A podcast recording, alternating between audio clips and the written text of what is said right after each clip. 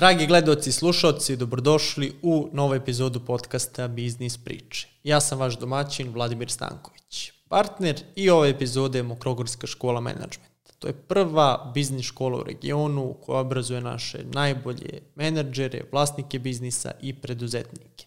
Prošle godine su pokrenuli program pod nazivom Bolji biznis, namenjen striktno preduzetnicima i vlasnicima malih biznisa – To je hibrid poslovnog obrazovanja, konsultinga, umrežavanja i rada sa mentorima. Stiču se konkretna znanja i radi se na vašem biznisu.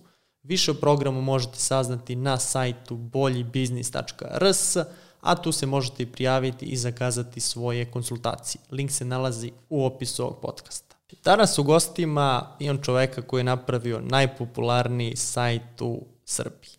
Svaki drugi korisnik interneta u Srbiji ima profil na njegovom sajtu.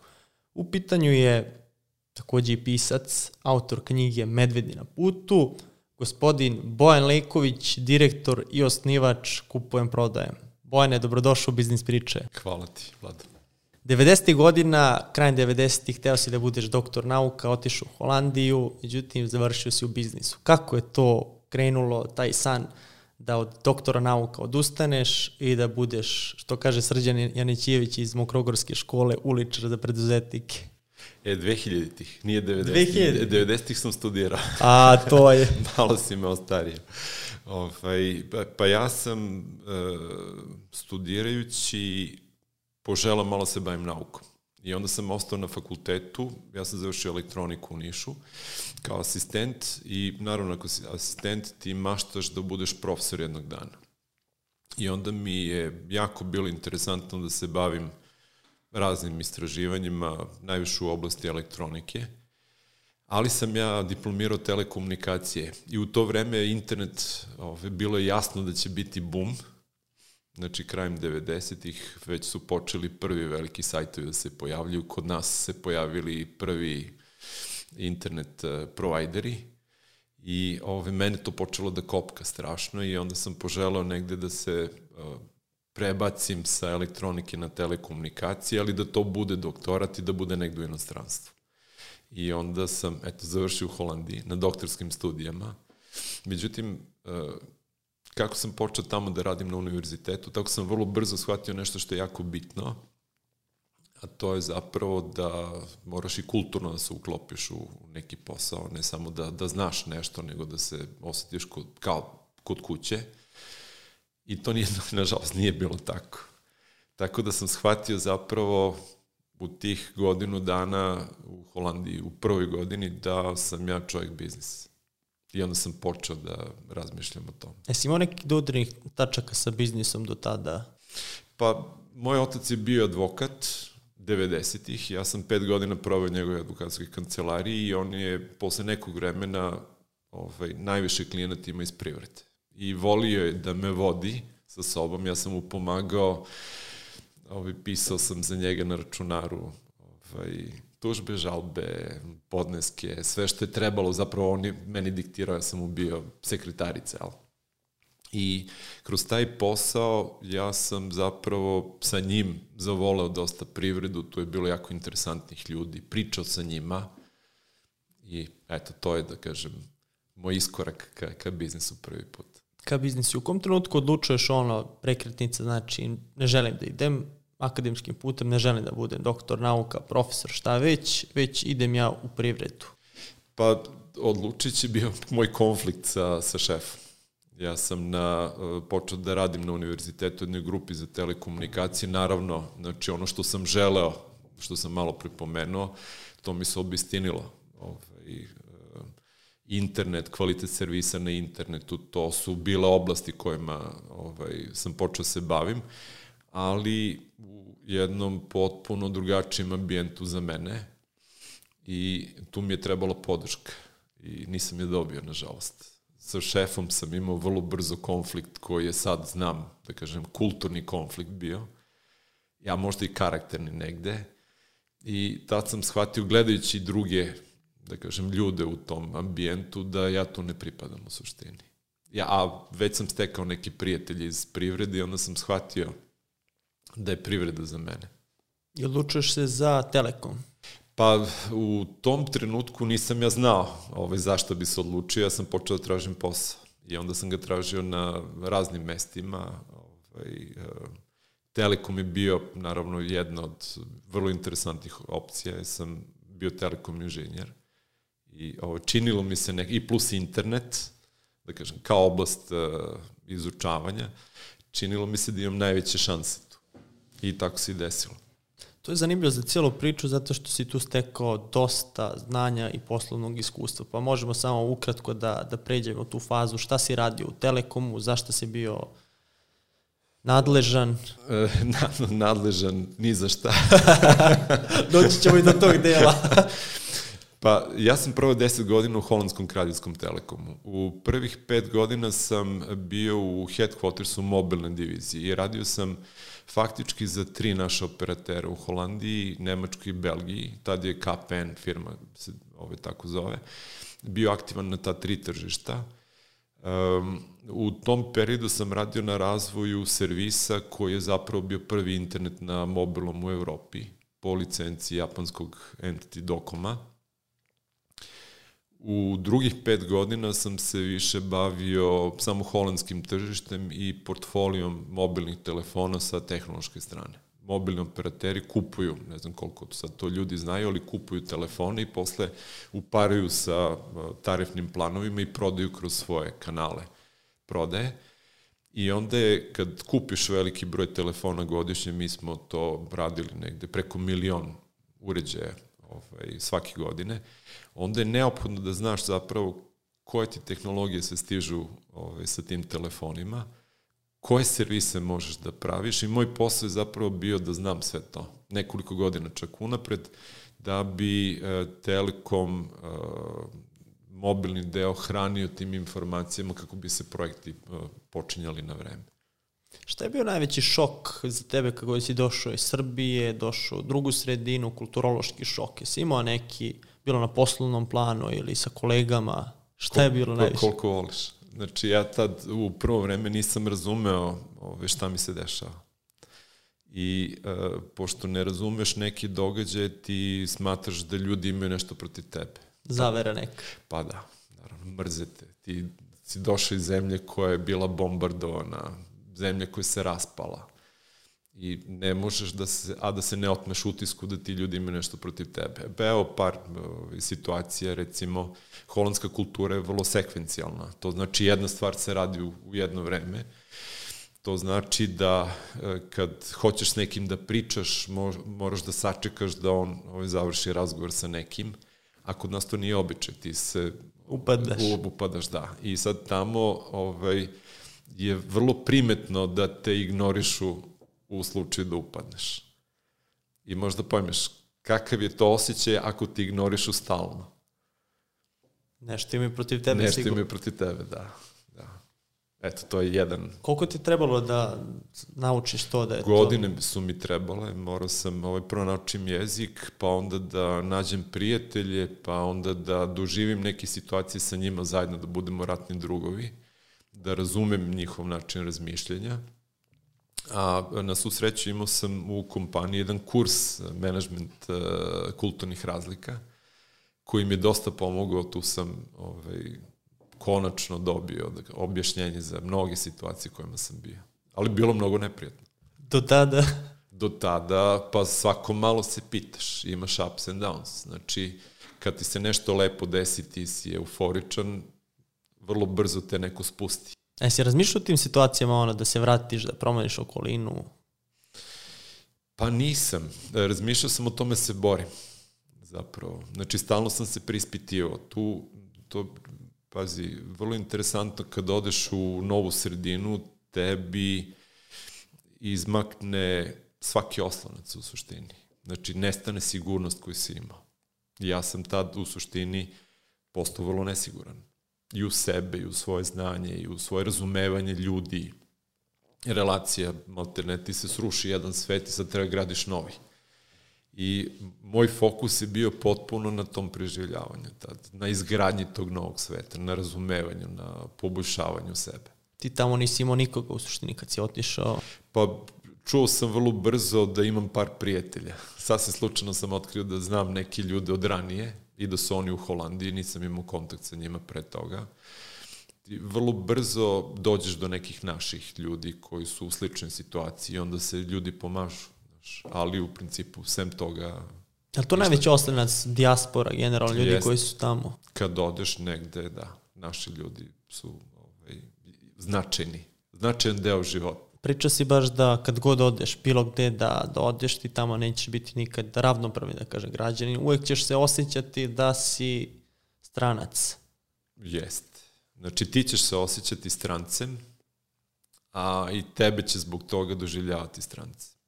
I sad pazi ti tokom godina naučiš kulturu, naučiš jezik, jezik nikad ako nisi rođen tamo nećeš pričati bez akcenta, akcent će uvek da te izda. E sad može da se desi da ti likom, pojavom budeš deo tog naroda. Evo recimo za mene ljudi ne znaju da nisam holandjanin. Kad krenem da pričam misle da sam belgijanac. Ali svejedno, znači taj osjećaj ta razlika negde uvek ostaje. Ja sam naučio tokom vremena da živim s, s tim i meni u principu sad super. Imao si, to već 10 godina u Telekomu, imao si bogatu karijeru, mogao si da napredeš u korporaciji HH, međutim ti si hteo da napraviš nešto, međutim ne nešto tamo, da budeš sam svoj gazda, već da nešto napraviš ovde. U kom trenutku je krenula da se rađa ta, ta ideja? U kom trenutku kada si ti bio u korporaciji, koja je to godina bila? Pa ne mogu da kažem koja je baš godina. Ne godina, je, ali u korporaciji, koliko se dugo bio kada je to krenulo? Uh, šest, sedam godina. Znači, nakon šest, uh, ne, čekaj, znači, uh, da, bukvalno nakon šest godina. Znači, ja sam maštao tome, ali nekako prikrivao tu ovaj, nameru, čak i od sebe. I tu maštu potiskivao. Međutim, uh, u velikoj kompaniji, i to je ono što, što je bitno da, da ljudi razumeju, niste sigurni. Zapravo nigde nikad. Kako nisi siguran, siguran posao, kažu. Pa nije. Zato što te, pogotovo zapadne kompanije su vrlo dinamične.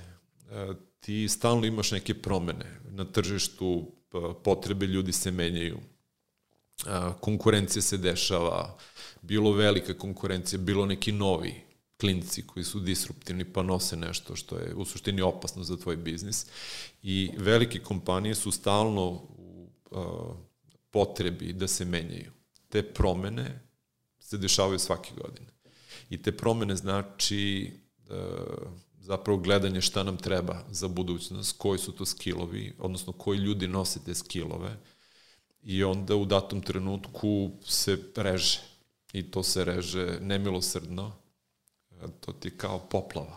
Znaš, pa nešto odnese, nešto ne. Ja sam znao da će mi se desiti kad tad. I onda sam teo da imam nešto spremno. To je, da kažem, jedan razlog, a drugi razlog je što sam onako voleo biznis, voleo sam da budem ovaj, na čelu nekog svog biznisa. Volao sam da, zavolao sam radići u Telekom mnogo marketing. Mnogo mi je bilo interesantno, ja ništa nisam znao o tome kao inženjer. I onda sam sarađivao sa sjajnim ljudima i to mi se mnogo svidalo. I onda sam poželao ja napravio neki veliki brend. Ali sam znao isto da to želim u Srbiji, ne u Holandiji, zato što ovaj, prvo u Srbiji je trebalo, u Holandiji skoro sve postoji i znao sam da mi je mnogo veća šansa u Srbiji i naravno bilo mi je bitno da može ovaj, na daljinu da se to radi. I što bi rekli holandjani, alles belkar, sve zajedno me dovelo, da kažem, do poslovne prilike na internetu. A to što si spomenuo da Srbiji treba, je to prednost Srbije zato što ima mnogo ideja koje se mogu iskoristiti? Da, ona je u suštini, mi volimo da kažemo za preduzetnike Eldorada. Ima puno potreba ovde koje nisu uh, ispunjene. Ne treba izmišljati toplu vodu. Pa ne treba, znači vidi šta, šta funkcioniše u inostranstvu. E, tu je jedina stvar uh, timing, zato što neki put tržište nije spremno. Ako tržište nije spremno, onda ti moraš da imaš dugačak dah ako kreneš sa nečim. I ako nemaš taj dugačak dah, onda je, onda je problem. Pa vi ste imali dobar dah. Pa jesmo. Jeste. To je krenula 2007. godina. Priprema. Re, rešavate priprema, ajmo da pravimo, imali ste ime tada, ste imali ime. Jesmo, tad smo ovaj, smislili ime, registrovao sam domen, krenula je priprema, pola godine nam je trebalo da napravimo osnovnu verziju, kupujem, prodajem. Početkom 2008. smo lansirali. Ajde da ubacimo samo u kontekst, ti si bio još u firmi u to vreme. Jesam, u to vreme sam ja već radio za holandskog mobilnog operatera i bio sam Strategy and Innovations Manager. Bavio sam se strategijom inovacijama i u suštini ovo što sam uradio je moj core competence. Ovaj, bio sam, da kažem, što se tiče znanja iskustva, opremljen da to mogu. Sad ti to krećeš iz Holandije, prvi zaposleni tvoj brat Jeste. Znači, on je a, prvi, to je, da kažem, neverovatna preduzetnička duša. On je čovjek dao otkaz u firmi i uletao u nešto potpuno nepoznato za, za minimalac. Sećam se kad je izračunao da mu za preživljavanje, puko preživljavanje treba 260 evra. I to mu je bila prva plata sam je sebi definisao taj minimalac. I radili ste na daljinu, ti iz Holandije, ono odavde? Jeste, pa a, tu je bio i naš developer, Nikola, i uh, imali smo još uh, pomoć studenta, to je naš brat od tetke, Micko. Znači sve familijerno. Da, da, naš četvorica, tako smo krenuli i svi smo bili sa različitih lokacija. Rale se vrlo brzo preselio za Beograd, Nikola je bio u Nišu, Micko u Kušumliji, ili u Nišu ili u Beogradu, gde god, a ja iz Haga naš četvorica. Ali nije da smo svi bili full time. Znači, jedini koji je počeo prvi e, potpuno da radi je bio Rali. On je bio full timer. I sad jesi računao sad u tom periodu, ok, nismo sad full time, u kom periodu će biti potrebno da mi svi budemo full time? Da li je to određeni broj korisnika, da li je to neki profit? Pa nije bitan bio broj korisnika, nego novac. Znači ti moraš da, da imaš dovoljno uh, novca da možeš da platiš. Ja sam odlagao taj trenutak što se mene tiče ovaj, baš dugo. Ja sam šest godina volontirao u firmi. To čisto znaš. Znači, preduzetništvo podrazumeva veliku žrtvu. Ako nisi spreman da se žrtvuješ, jer pitanje kad će novac da dođe, onda možda i nisi za, za preduzetnika. E, znaš, nije neka ono seksi priča, biznis, ajmo ulazimo, šest godina, preduzetnička priča, znači radiš bez novca. Da, znači, pa dobro, moja situacija je malo specifična, zato što ove, nije, meni je, da kažem, potreba za novcem bila malo veća, s obzirom da sam da. Ove, u Holandiji nije baš jeftin život. I ovo, ja sam to svesno, da kažem, uh, menadžovo tako da, da to bude što je kasnije moguće. Ja sam tek 2014. se potpuno posvetio kupujem, prodajem. Znači, to je bio trenutak kada možeš da dobiješ platu i da živiš Jeste, normalno. da, da, da. da. Kako, kada je legao prvi, prvi novac? Sve je bila monetizacija, prvo ste imali korisnike, niste imali monetizaciju. Ba, znaš kako, mi smo bili u zabludi u početku, mislili smo da ćemo veselo prodajemo banere oglasni prostor kompanijom velikim, kao i svi, da, međutim, što bi neko veliki se reklamirao na nekom malom nepoznatom sajtu. A, I onda smo shvatili da to treba da budu mali, ali mali nisu imali internet sajtove, pa nije ni bilo načina da se reklamiraju kod nas. I onda smo se okrenuli u suštini malim oglasima i promocijama malih oglasa. I to su zapravo prve monetizacije. Kad smo shvatili da, da korisnici žele da zadrže oglas na vrhu neke grupe i da je to killing, da je to bilo baš jako dobra usluga, mnogo bolje od bilo čega i dan danas je mnogo bolje od, od Google-a ili od Facebooka ovaj, za, za male biznis. A taj način monetizacije nije bio očigledan, ono, gde ste u startu znali mi ćemo da naplaćujemo oglase? Pa ni, nismo znali, znači otprilike smo imali neku ideju, ali vidiš, ti uđeš sa namerom da praviš nešto veliko, veliki brand i ti, tu ti monetizacija nije primarna. Znači, uopšte nam nije bilo bitno ovaj, kad će se desiti trenutak, ali na svu sreću desio se relativno brzo, znači već u drugoj godini a sigurno u trećoj smo bili prilično okej. Okay. U kojoj godini ste prešli one break even, prešli nulu? Pa ja mislim već u drugoj godini. Znači u prvoj, prva godina je bila za ovaj, investiranje, probanje, ovaj, da, da smo sigurni da to pije vodu. Ti vidiš kad god imaš eh, neki proizvod, pa biznis hoćeš uh, sa tim proizvodom da praviš, tu je ključno da li ti se vraćaju kupci tog proizvoda. Znači, ako se vraćaju, to je dobro. Znači, možeš da skaliraš biznis. Ako ne, imaš problem. To nije dobro. I onda nema svrhe ulagati u marketing ili, ili bilo šta, moraš da menjaš. Vi ste imali tu situaciju da se vraćaju korisnici? Jest, znači to se lepo videlo. Pustimo neku kampanju i onda ju ugasimo i nakon toga nastane da raste. Ljudi se vraćaju, vi imate model za, za skaliranje. Šta je u tom prvom periodu, tih prvih nekoliko godina bio najveći izazov? Gde ste lupali glavu? Pa najveći izazov je inženjerski izazov. Kako taj neverovatan rast koji se dešavao, znači tada to je bilo uh, po mnogo puta. Znači prvi godina značajan rast, pa onda nakon toga iz godinu u godinu sa preko 100%. Kako infrastrukturu ovaj, napraviti prvo da to radi kako treba, a onda skalirati iz godine u godinu da to ovaj, pije vodu. Je li taj programer koji je u prvoj fazi ušao u priču, jer on radio bez plate ili... E, nije. On A je, kako programer bez plate? Ne može programer bez plate, ali se mnogo žrtvao. Znači, on je u neko vreme naplaćivo upola. Tako da, ovaj, veliki, a u stvari, mi smo krenuli sa jednom firmom, pa se firma raspala, znači taj prvi eh, programer je zapravo, nemamo više kontakt sa njim. Znači čovjek koji je napravio prvu verziju KPA, je u firmi on je sad u jednoj drugoj firmi, nažalost, ovaj, nismo sa njim. Znači njegov kolega i partner je zapravo ostao sa nama i on je posle radio na ovaj, usavršavanju sajta.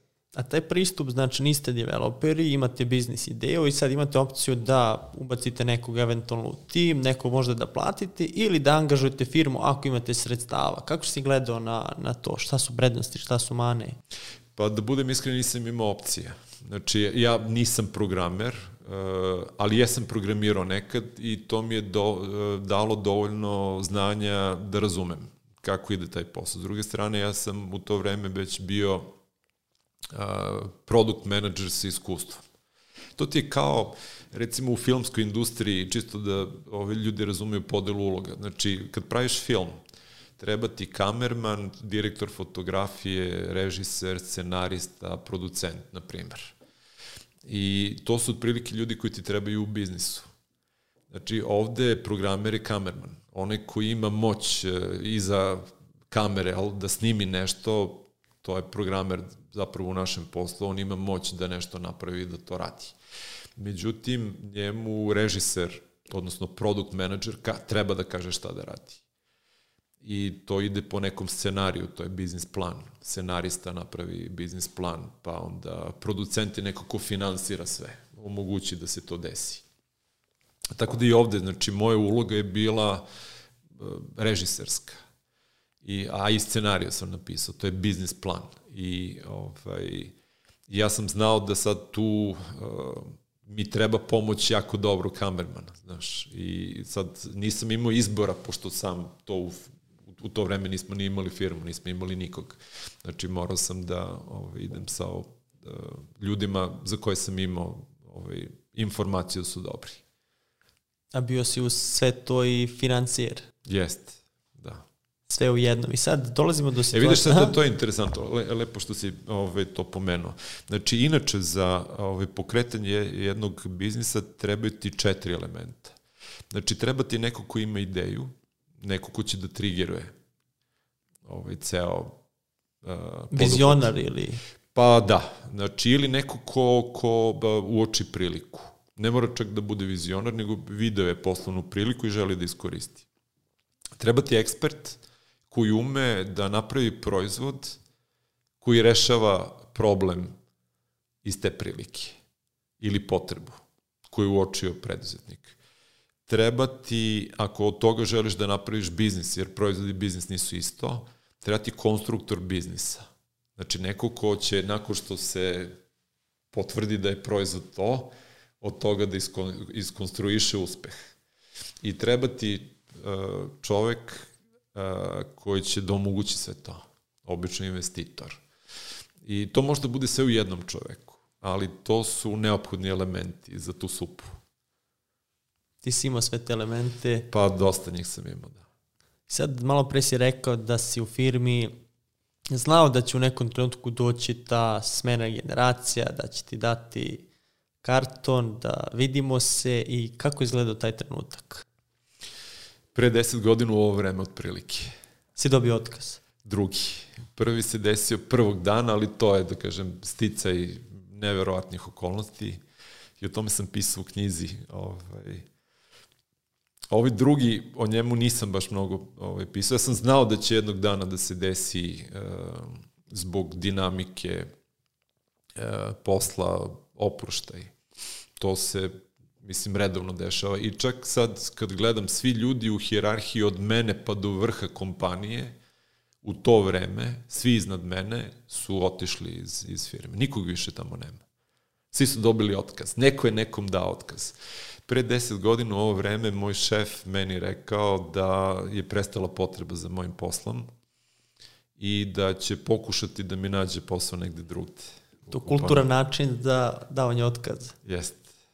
Jel našao drugo mesto? Naravno da nije. Šta si ti radio, ono, u šoku si se našao, šta su bili prvi koraci? Pa, nešto, u delimičnom šoku, zato što je uvek šok kad ti neko kaže nisi više potreban. To ti je i svojevrsni napad na, na osjećaj e, samopouzdanja. Međutim, ja sam dugo godina se spremao za tako nešto, tako da su se kolege, pa i moj šef iznenadili koliko sam bio cool, koliko sam bio hladan, s osmehom Ovaj, ja sam tad e, već odlučio bio da više neću raditi u nekoj korporaciji, nikad više. I ovaj, tad sam shvatio da mi treba još neko vreme da kupujem, prodajem, poraste, da bi ja bio ovaj, e, u radnom odnosu sa svojom firmom, jer sam to počeo u slobodno vreme kao hobi projekat još u vreme dok sam radio i onda sam se opredelio za consulting, business consulting, odnosno pomožem drugima manjim firmama u Holandiji da razviju svoj biznis. Kao freelancer? Kao freelancer, da. I sad, da nisi dobio taj otkaz, da li bi imao ti hrabrosti da daš otkaz dok možda još kupujem, prodajem, nije došao do te faze da možda isplaćuje?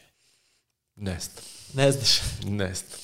Pazi, u, u jednom trenutku bi verovatno postalo vrlo nezgodno, ne bi mogao, znači obim posle bi bio takav, ali e, vidiš, dve godine mi je još trebalo da se to desi. I to je suviše dugo unapred da znaš, ja nisam znao to. To je, to je dobra, dobra stvar i rekao si ne korporacija više, idemo freelancing, da budem konsultant, šta je bilo tu naj, najveći izazov? Znači, pronašao si se bukvalno na, na ulici, znači nemaš neku sigurnost, sad da si ti već razradio taj konsultantski posao, već ti treba da ga gradiš sad. E, znaš šta, tu se desila jedna srećna okolnost. E, recimo, par meseci unazad, e, pred dobijanje otkaza, dobijem ja poziv od jednog prijatelja koji se upusti u preduzetništvo holandjanina, da se sretnem sa njegovim poslovnim partnerom i njim u jednom hotelu. Da mi izlože jednu poslovnu ideju. Oni nisu znali koje su moje namere, niti koja će moja sudbina da bude. Ja sam pristao na taj sastanak, saslušao ih. Prvo, mnogo mi je godilo da dva ozbiljna poslovna čoveka, holandjanina, ovaj, od mene traže savjet. Znaš što, ono, prijati, trebaš nekom i ovaj, uh, saslušao sam ih i onda sam im obećao savjet u roku od nedelju dana. Napravio sam jednu analizu i pazi, tad sam ja shvatio da sam ja dobar i za to u suštini, jer je to biznis koji ja nisam u suštini znao. A šta je bio koji je to biznis? Pa oni su tad imali ideju da uh, mobilne telefone koji su ovaj, uh, vraćeni, pošto mobilni operateri mogu da otkupe nazad ovaj telefone, e, da rade refurbishing i da ih ponovo ubacuju na tržište. I to u saradnji sa Telekomom. Ja sam tad bio negativan ovaj, za tu poslovnu ideju na način kako su oni to želeli. I to sam u toj analizi podelio sa njima. I čovek e, koji je bio vlasnik te kompanije, koji je želeo zapravo tu poslovnu ideju da eksploatiše, mi se zahvalio. I posle su čuli da sam dobio otkaz i pozvali me na razgovor.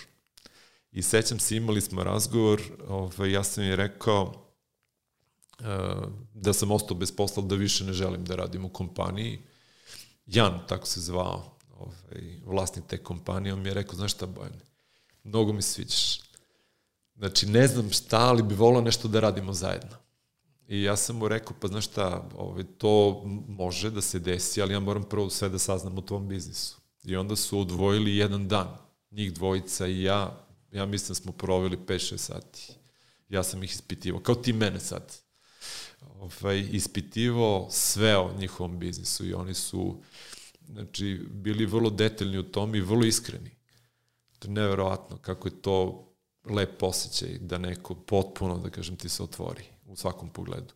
I onda sam je rekao, ajde ja malo da razmislim o tome i ovaj, nakon nekog vremena sam imao ideju poslovnu i ovaj, onda sam im to izložio i svidelo im se. I onda smo počeli da radimo na tome. A onda sam počeo neke projekte da vodim. Mislim, jedno je vodilo u drugo, treće i tako. Znači, kad, kad uđeš u te vode, onda, ovaj, kad te namirišu, da možda budeš koristan, onda je to... Rekao si da imao si srećnu, srećnu okolnost, jer postoji sreća u preduzetništvu. E, znaš šta, to je sad vrlo ovaj, relativna stvar. Um, zapravo po meni jedini a, element sreće u životu je godina rođenja.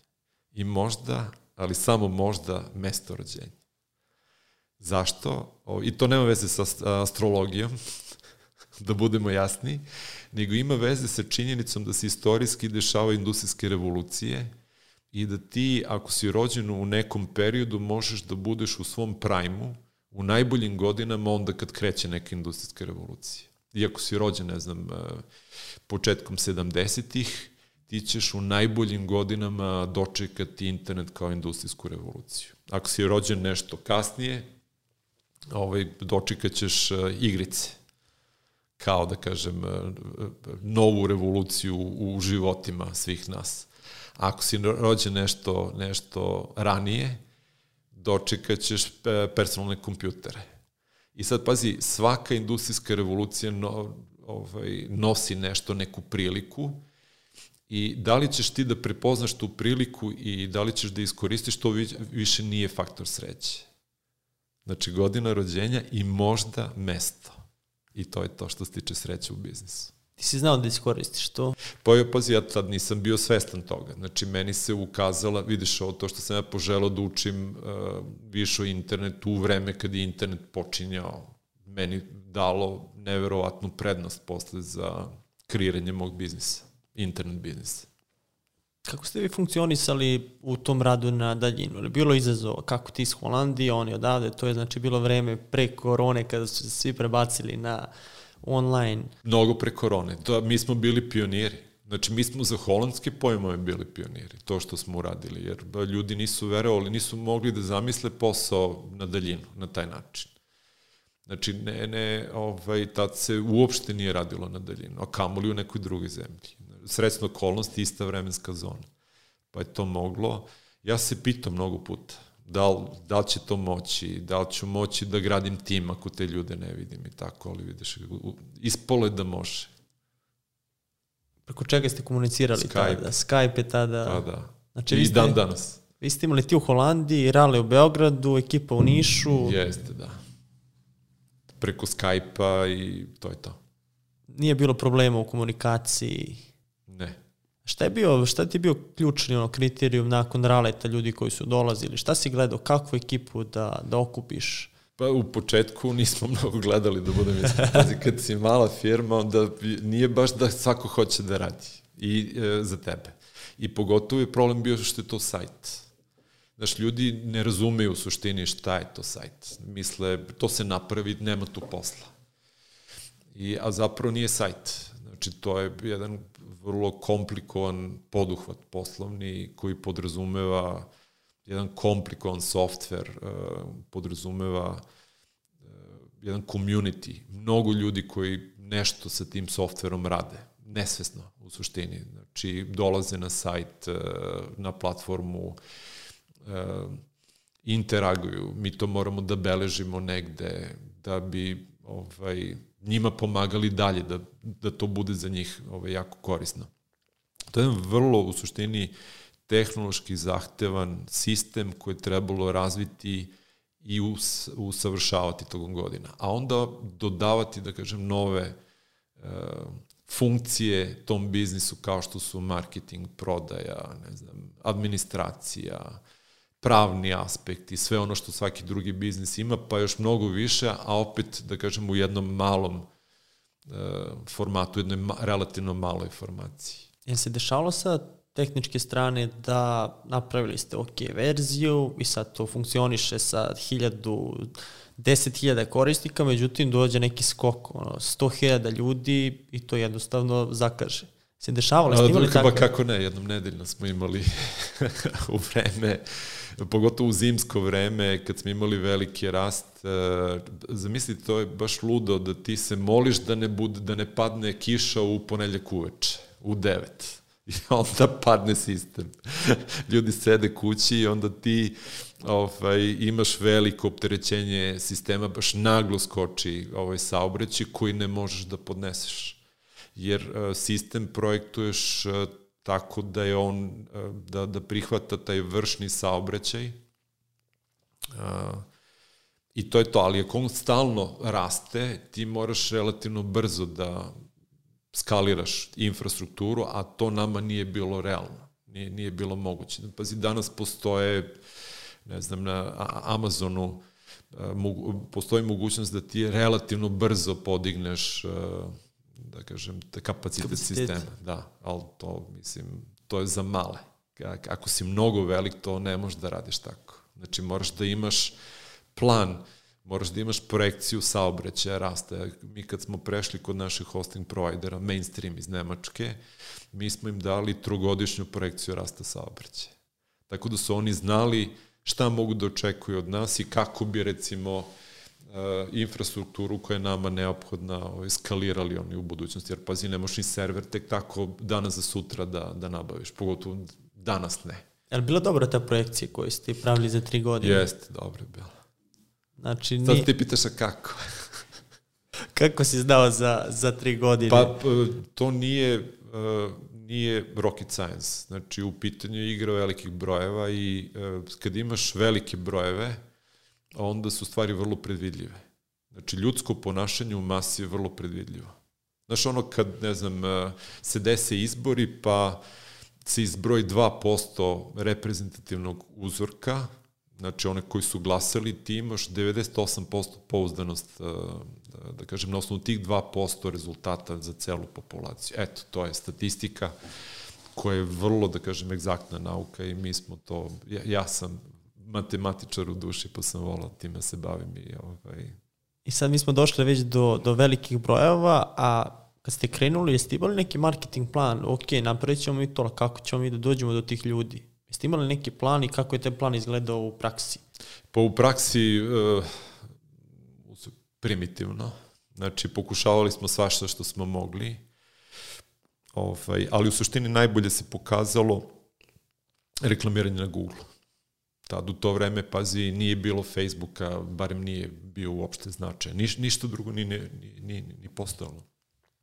Uh, mislim, čak i YouTube da je bio vrlo primaran, rudimentaran, ne mogu da se setim ni da li ga je bilo u to vreme kod nas da je bio popularan. Znači, Google je jedina opcija bila i to se pokazalo jako dobro, ovaj, prilično smo tu potrošili novca da Šta ste vi dignemo. plaćali da oglase tuđe, to jest vaših korisnika, to ste sponsorisali ili...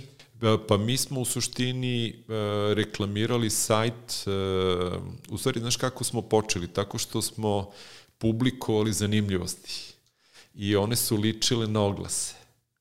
Zanimljivosti iz sveta konzumer elektronike, na primjer.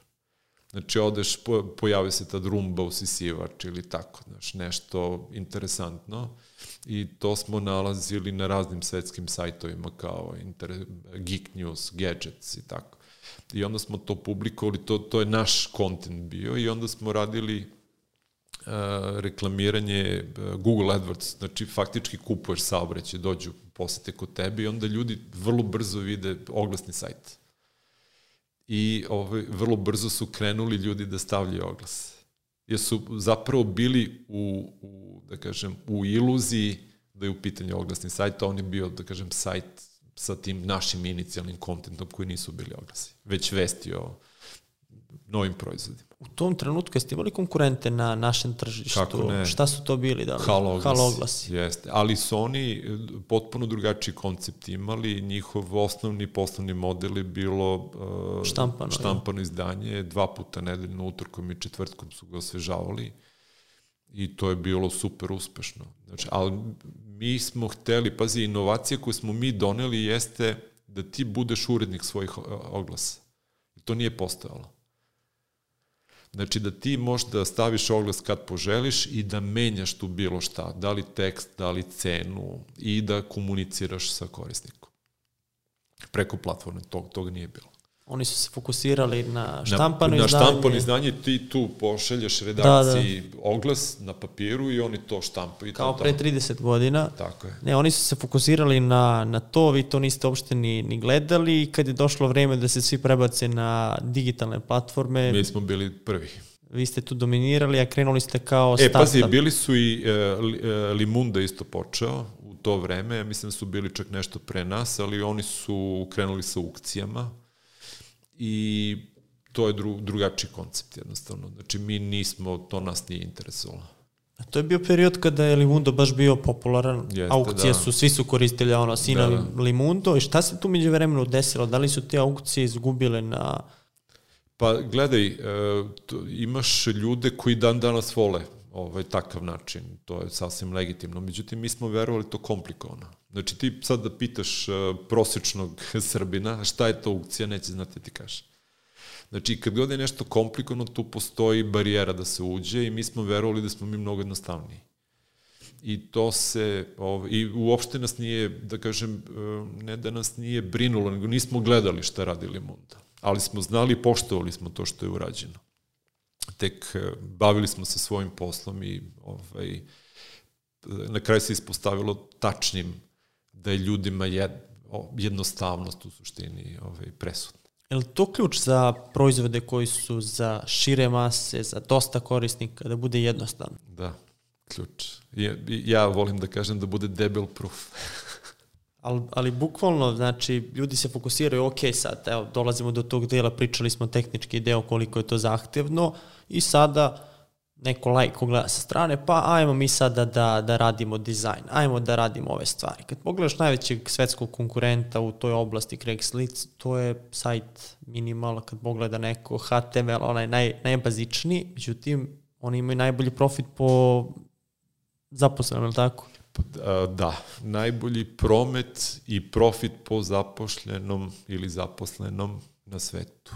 Koliko je meni poznato. Znači, čisto poređenja radi, uh, oni su tu u odnosu na Apple ovaj, za red veličina jači. Istina, mala je to kompanija, nije uporedivo po broju ljudi, znači oni imaju 50 ljudi, ovi imaju preko 100.000, ali ako vidiš uh, znači, vrstu biznisa da toliku, da kažem, uh, uh, to, to zapravo meni govori o poslovnom modelu, koji je izuzetan.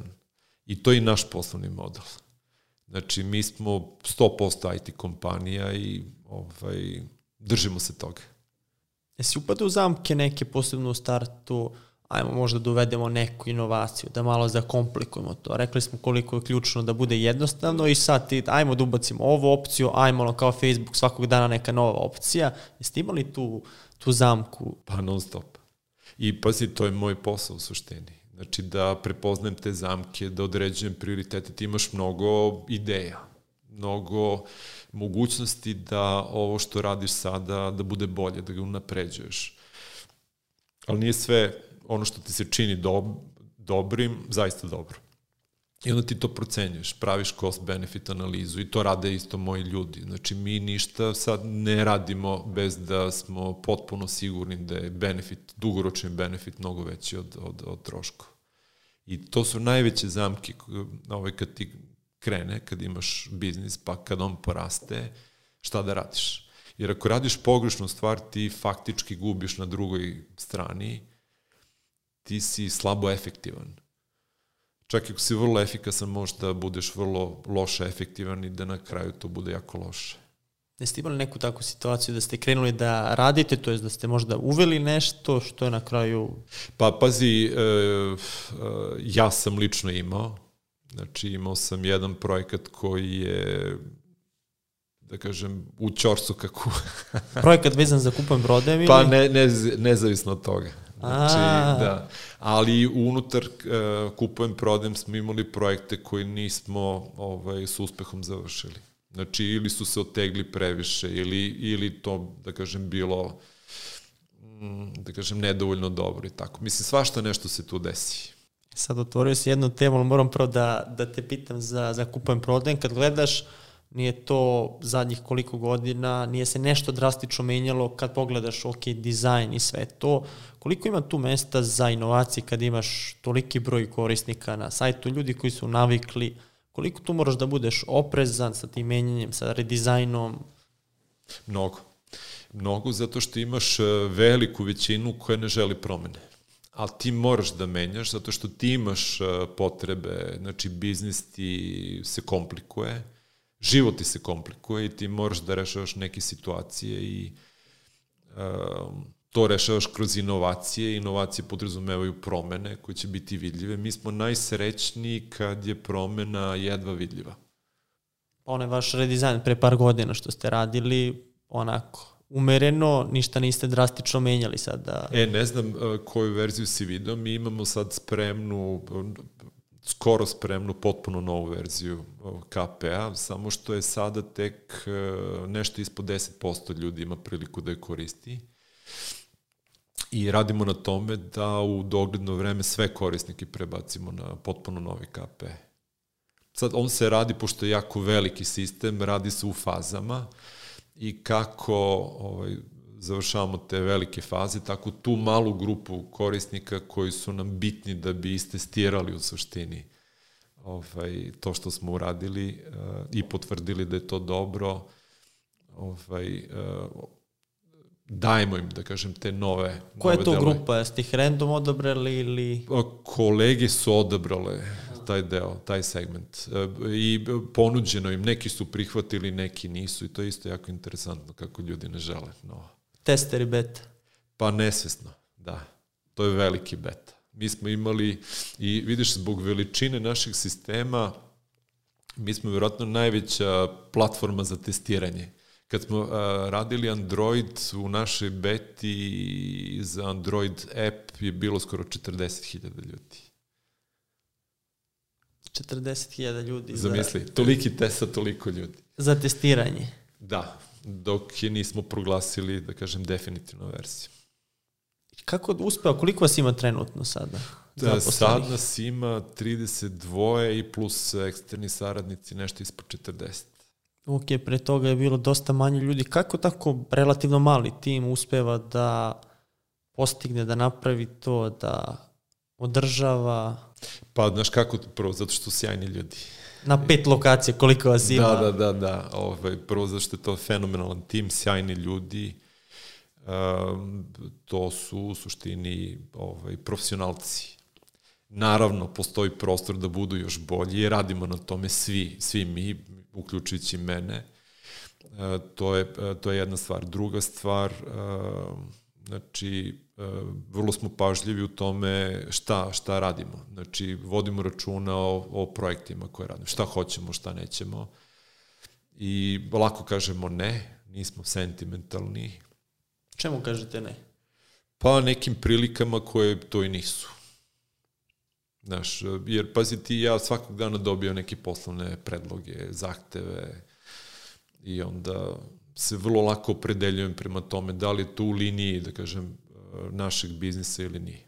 I onda čuvam fokus. Vidiš, tu je fokus isto jako bitan, pa onda radni procesi, automatizacija puno stvari Znaš, da čim vidiš da nešto može da se automatizuje, ti napraviš rešenje za to i to krene da radi softver. Daj neki, daj neki primjer za automatizaciju. Za automatizaciju, pa evo recimo proces uplataka nama je potpuno automatizovan.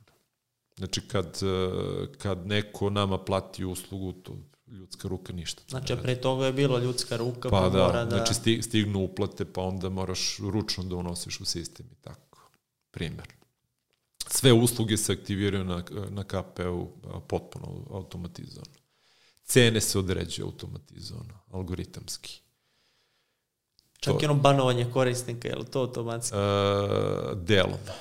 Provera, znači, provera rizika korisnika, da li je potencijalni prevarant ili ne algoritamski. To ste vi razvili. Pa nismo, neke stvari smo ovaj, kupili, neke stvari smo razvili u saradnji sa partnerima. Klasifikacija oglasa isto. Ovaj, ja mislim da to čak prva primena veštačke inteligencije kod nas. Ovaj, on nam pomaže da predlažemo korisnicima kategorije i grupe, ali nam pomaže i da radimo ovaj, čišćenje KPA, da on bude uredan kao što jeste. Jer je tu ideja da oglasi budu svojim kategorijama i grupama, ne razbacani. Tako da ima tu, pa onda ima dosta algoritama za zaštitu sistema. Tu je zanimljiva priča koju Mm. si pričao na, na Vivaldiju, vezano za, za jedan oglas koji se našao kod vas. Dobro. Za presnimavanje, pa možemo da podelimo to ako hoćeš. Pa dobro, to je jedna situacija, nije u pitanju oglas, nego ceo taj slučaj koji, smo, koji je sparkovao, da kažem, nemile događaje sa tržišnom inspekcijom i onda kako smo to morali da rešimo. E vidiš, to, to ti je primer da kad si, e, kad si u biznisu da moraš da budeš multidisciplinaran. Znači, e, mi pored e, svog posla moramo se bavimo i regulativom. Moramo da imamo da kažem, jake relacije sa raznim državnim institucijama. Moramo da razumemo i te ljude i njihove potrebe i šta tu može, šta ne. Zamisli, pazi, tebi lako možda dođe neko sad da ti traži ako ima uniformu nešto. I ti moraš da budeš dovoljno čvrst i da razumeš zapravo i svoja prava i prava svojih korisnika. Kaže, ne, ne, ne, to ne može, nije po zakonu. Ćemo da ispričamo ljudima tu Pa, situaciju. Ajde, znači samo da, da je skratim, Da je skratimo. da, da ne odnese razgovor na, na tu stranu. Znači, javio nam se korisnik koji, e, e, koji je presnimavao e, uslužno ovaj, video materijal, ali smo shvatili vrlo brzo da je u pitanju ovaj, porno sadržaj. I, ovaj, e, i on je, da li on bio blokiran, pa se iziritirao zbog toga, e, tek traži da se uklone oglasi njegovih konkurenata iz grupe u kojoj se... Ovaj, I onda je krenuo da preti. A, krenuo je da preti e, vezama u tržišnoj inspekciji. Znaš smo mi rekli slobodno. Nek dođe ko, ko treba da dođe i pojavili se. Znači, najpre jedan, pa drugi, pa za I- kratko ipak nije vreme... blefirao. Pa ispolo je da ima veze zbilja i onda smo ovaj, u jednom trenutku shvatili to previše, da nam mnogo, da kažem, eh, problema pravi, eh, poslovnih problema i onda smo teli da vidimo zašto postoji ta hajka i ovaj, zatražili smo, ja sam ovaj, poslao pismo pomoćniku ministra i dobili smo sastanak i ovaj, nas su iz holandske ambasade, da kažem, ovaj, tad se obrati ambasadoru holandskom, pošto mi holandsko-srpski biznis, jer smo bili apsolutno sigurni da je, da kažem, smo apsolutno u skladu sa zakonom. A ono što se dešavalo, ti tržišni inspektori su, zamisli, ovaj, negirali postojanje krovnog zakona koji reguliše našu oblast. I ovaj, to nismo hteli da prihvatimo, tražili smo razgovor, i ovaj, na tom razgovoru ovaj, to je bila jedna jako interesantna, žučna diskusija, se objasnili sa njim. I rešena. Pa rešeno je, znači tu onda ljudi shvate da ti si spreman da ideš do kraja, mi smo umeđu vremenu i sve te ovaj, procese koji su bili pokrenuli, eh, oni dobili. Tako da smo dobili, da kažem, potvrdu pravnog sistema da ono što radimo ovaj, ispravno, i, a oni su dobili potvrdu da smo ozbiljni. Nakon toga se desile lepe stvari. Ovo, ja sam učestvovao u pisanju zakona o trgovini, elektronskoj trgovini kao eksper, eksterni konsultant. Znači nisam ja tu pisao sve, možda dao sugestije za neke rečenice. To su radili sjajni ljudi iz ministarstva ove, trgovine i zamisli, oni su prepoznali, da kažem, da smo mi značajni igrači, ponudili ovaj, mogućnost da kao eksterni učestvujemo, da damo, da kažem, input, da damo savjet i to. Ja sam jako zahvalan što se to desilo. I sad Srbija ima vrlo moderne zakone o trgovini, elektronskoj trgovini. Ono što si rekao da je uh, znači, holandsko-srpska firma. U kom trenutku ste si hteo da to bude tako, znači da bude regulisano i u Holandiji, da bude i ovde i znači nije čisto srpska firma, već holandsko-srpska? Pa u startu sam želeo tako, zato što ja živim u Holandiji, ja sam u to vreme već bio holandski državljanin, zato što sam računao da će mi trebati možda pomoć i dobio sam pomoć investitora, holandskog državljanina i računao sam da je, da kažem, holandski pravni sistem bezbedna luka za nas. Ti kad praviš biznis, razmišljaš dugoročno, želiš da si siguran. I ja sam siguran da holandska država, da kažem, i to ne da sam siguran, znam, vodi računa o svojim biznisima, štiti ih i to meni jako prija, a usput, da kažem, i potpuno prirodno, jer živim tamo i, ovaj, i na kraju postoje međunarodne ambicije, onda je zgodno da ti je firma uh, sa sedištem u Holandiji. Sad, jel to znači da ono, da je sad čisto srpska, vi ste izgradili sistem milion korisnika, 10 miliona korisnika i dođe zakon koji kaže da nešto iz tog sistema nije legalno i pakuje kofe. E, pazi, mi smo i holandsko i srpska firma, odnosno firma koja je faktički posluje i u Srbiji i na teritoriji Evropske unije. Recimo, evo, GDPR, zakon o zaštiti podataka o ličnosti evropski, mi smo morali da ga primenimo pre nego što su u Srbiji desila nova verzija zakona zbog sedišta u Holandiji. Tako da je to vrlo jasan benefit. E, ti kad vodiš biznis ti mora poštoješ regulativu. Znači kak, kakva god da je regulativa biznis mora da se ovaj, ponaša u skladu sa njom. Tako da tu nemam dileme. Niti bi mi sutra bilo žao. Znači ako iz nekog razloga moram nešto tu da menjam. Menjat ćemo. Ali znaš, ako dođe do neke nepravde, da možeš... Da Nepravda se... ne, ne može da prođe. Tu ste sigurni, ali to ta projekcija gde ti gledaš na naravnih 10 godina kako će to da izgleda, je to tvoj posao? E, moj posao je vizionarstvo pre svega, znači kreiranje budućnosti, znaš, ti budućnost možeš da doživiš i da je kreiraš. Ja, a mi verujemo u to da mi pravimo budućnost. I ovaj, kad zamišljaš kako to može da bude, onda si vizionar. Ako ti uspe u tome, onda si uspešan vizionar. Put ka tome je strategija. I moj posao je da imam viziju, da imam strategiju, da ovaj, pravim tim i da uzrastam taj tim da, da nam uspe u, u tome sad kad pogledaš svoje dnevne aktivnosti, je li to ono što radiš svakoga dana? Da, da.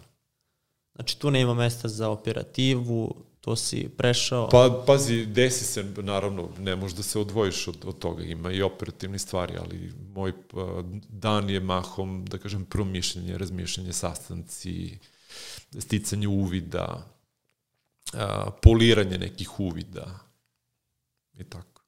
Kad pričamo o tom rastu korisnika, rekli smo da je bio linearan, mogli ste da pretpostavite. Da li ste imali neke pikove gde ste došli do nenormalnog rasta iz nekih situacija, da je to bio eksponencijalni rast zato što se nešto dogodilo ili vaša neka kampanja? Pa evo prošle godine. Ove, kad se puno stanovništva vratilo u zemlju, kad niko nije išao na odmor, kad su ljudi bili u lockdownu, onda se desio neverotan rast.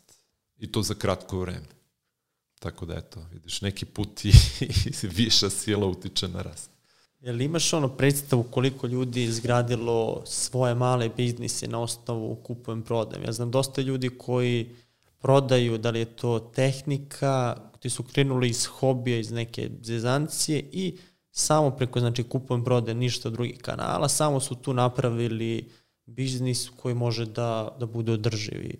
Pazi, ne znam tačno, odnosno mi ne znamo Ovaj, uh, Jel dobiješ takve neke priče? Uh, dobijem, da, da, čujem priče, znači čak neki intervjuišemo i to su jako lepe priče. Recimo, čovjek krenuo sam, ima firmu od 7-8 ljudi koji koriste jedan nalog, uh, vrlo su uspešni u tome, vode računa da su im mušterije zadovoljne. Ja mislim da ima po nekoj našoj slobodnoj proceni par desetina hiljada, više desetina hiljada takvih. U ukupnoj, da kažem, masi od ukupno 2,5 miliona registrovanih korisnika, to je sasvim lepo. Ali pazi, mi kao platforma koja povezuje ljude, mi smo suštinski komunikacijona platforma. Mi ne znamo šta se, ovaj, nažalost, ne, ne znamo čitate šta... poruke. pa ne čitamo. Znači, mi kad dobijemo pritužbu, pa nam korisnik da print screen, onda vidimo ovaj, šta, se, šta se desi. E, pričali smo o investiranju, posebno u tim ranim fazama. Kako je izgledala ta tvoja investicija gde je investitor holandjanin, a ti praviš biznis koji je u Srbiji? Je li on imao razumevanja, je li se oslonio na tebe jer si ti ekspert u tom polju, znaš tržište, kako je to izgledalo? Pa baš kao što si rekao, on se oslonio na mene. Znači on je investirao u mene u suštini, nije u biznis. On je verovao, uh, pošto smo se znali, uh, on je bio moj coach u Telekomu, on je bio iskusan uh, direktor i ja sam mu se svidao kao čovek i u jednom trenutku ja sam rekao imam hobi projekat, pokazao sam mu to, on je rekao wow, odmah je prepoznao čemu se radi i posle me zvao i rekao je ja bi investirao to. Nije on ništa više od toga znao. Znači, tek njemu se činilo da sam ja prilika za investiranje, više nego biznis. Jel to je suština investiranja, da se u tim investira? Pa, pazi, ti, svako može danas da ima ideju. I nema, svet nije u deficitu ideja. Svet je u deficitu ljudi koji su sposobni da ideje realizuju, da ih naprave uspešnim. I ti ljudi su jako redki. I onda ti faktički investiraš u njih. Ti si dobio dobili ste tu investiciju, taj novac, jesi imao plan kako će to da se troši, gde će da ide? Imao sam, ali to je, znači ta investicija je zapravo samo jedan manji deo naših potreba. Veći deo sam ja iz moje ušteđevine ovaj, obezbedio, to je porodični novac. I, ovaj, ali smo opredelili uh, tu investiciju koja je došla od Bena isključivo za marketing u prvoj godini. I to je donalo rezultate? Pa to je mislim da smo imali više, bilo bi još više rezultata. Da smo imali manje, bilo bi manje rezultata. Sve je moglo da se potroši. Pa da. Sad kad pogledaš kupujem, prodajem put, šta mi je bio najveći, najveći izazov, najveći problem koji ste imali na tom putu, koji vam je zadavao glavobolje, ali ste iz njega naučili nešto i... Pa sad iz ove perspektive najveći izazov je tehnološki bio. Znači da se napravi sistem koji može ovo što, što, što može danas pazi, 60.000 oglasa se uploaduje svakog dana. Ne znam se sećaš, pre par godina je pao državni sistem za za uh, koji je uh, zdravstveno osiguranje, aplikacije za zdravstveno, da. za ove knjižice zdravstvene. Znači u jednom danu su oni, ne znam, morali da obsluže ono što mi radimo svakog dana. Naravno, i oni su rešili to, ali pazi, mi godinama imamo ogroman saobraćaj i to je jedno, da kažem, ovaj, tehnološko čudo u suštini. Kad ste stali na noge, krenuli da funkcionišete, pravite profit, su krenuli to da dolaze ponude za investicijama, za kupovinom, partnerstva, Pa svašta nešto, jeste. Znači svake godine manje više se desi neki interesantan razgovor, neko želi. Ove, ali mi nismo pravili biznis za drugog, mi smo ga pravili za nas, to je neverovatna igračka. Sad imaš priliku da se igraš, da, da učiš. Mene, kako bi ti rekao, mene pali prilika da, da učim. Znaš, i to imam sada. Ako bi prodao biznis, ja bi to izgubio i zato mi to nije, nije mi interesantno uopšte. I razmišljati o, o, o pravljenju biznisa da bi ga prodao je potpuno drugi, legitimno je to, by the way. Ali to potpuno drugačija, da kažem, priča od praviti nešto veliko, ne znajući šta će se desiti s tim, nekad. Da si hteo da prodaš i da napraviš nešto brzo, da li bi što ulazi u ovu priču? Za nešto što ti treba toliko godina da se razvije? Verovatno ne bi Da, ne što bi, i, išao bi sa nečim sitnim.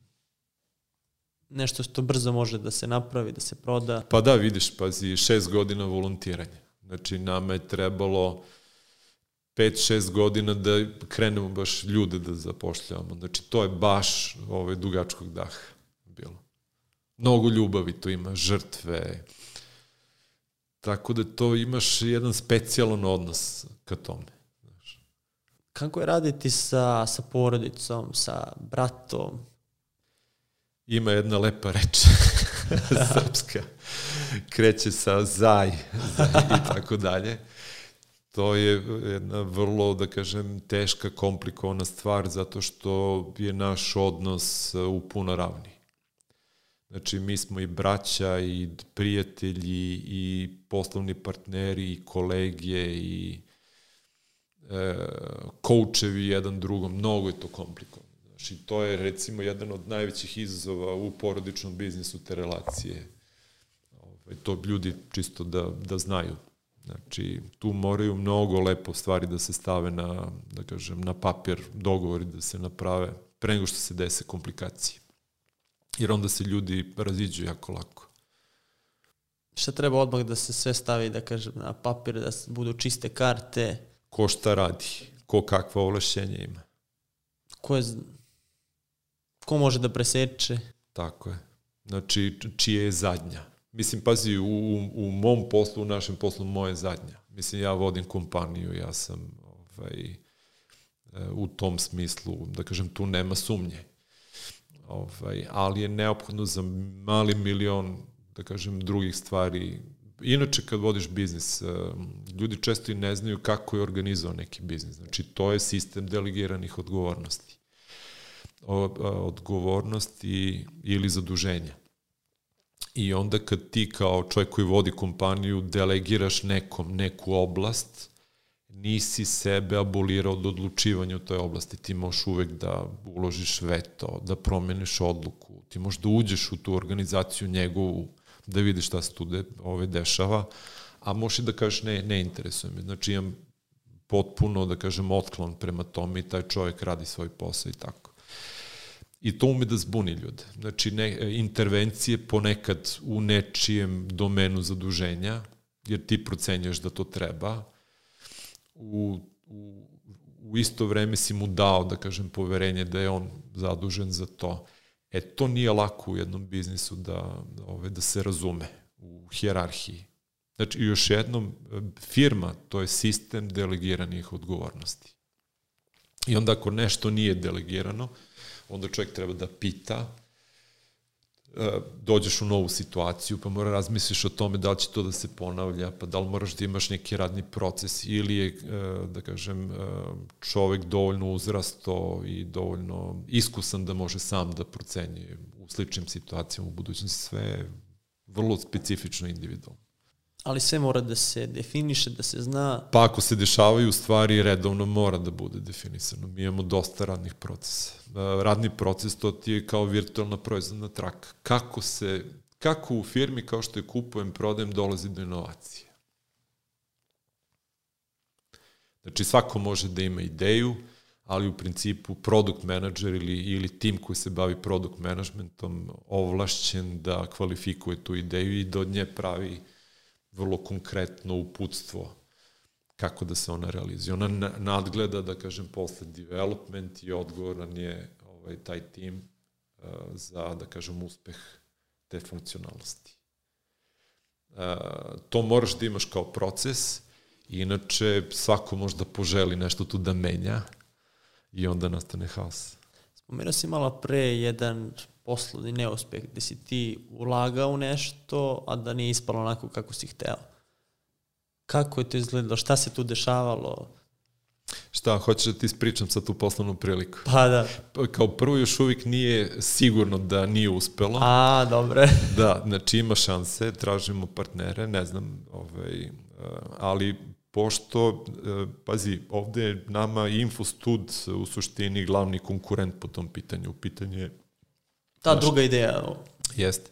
I sad, pošto smo pričali sa njima, oni znaju pa mogu da kažem. Znaš, inače se ove stvari ne pričaju. Da čisto, A, znači, da, imamo ekskluzivu. Da, imaš ekskluzivu. Znači, u pitanju je sistem e, platforma koju smo zamislili, koje treba da reše neke probleme na tržištu zapošljavanja, koju smo nazvali mlade snage, jer je fokus bio na mladim ljudima, A koje probleme? Znači, kod mladih ljudi su izraženi problemi orijentacije, ne znaju zašto su dobri i šta bi voleli da rade u životu i ne znaju da apliciraju za posao ne, ne ume da pišu u CV. Ne samo da ne ume, nego nemaju šta da stave u CV. Kad si mladi, neiskusan, ti ne znaš kako da kreneš, ali tako? A sa druge strane, problem uh, poslodavaca je taj što im se za neke oglase uh, jako komplikuje proces prijema.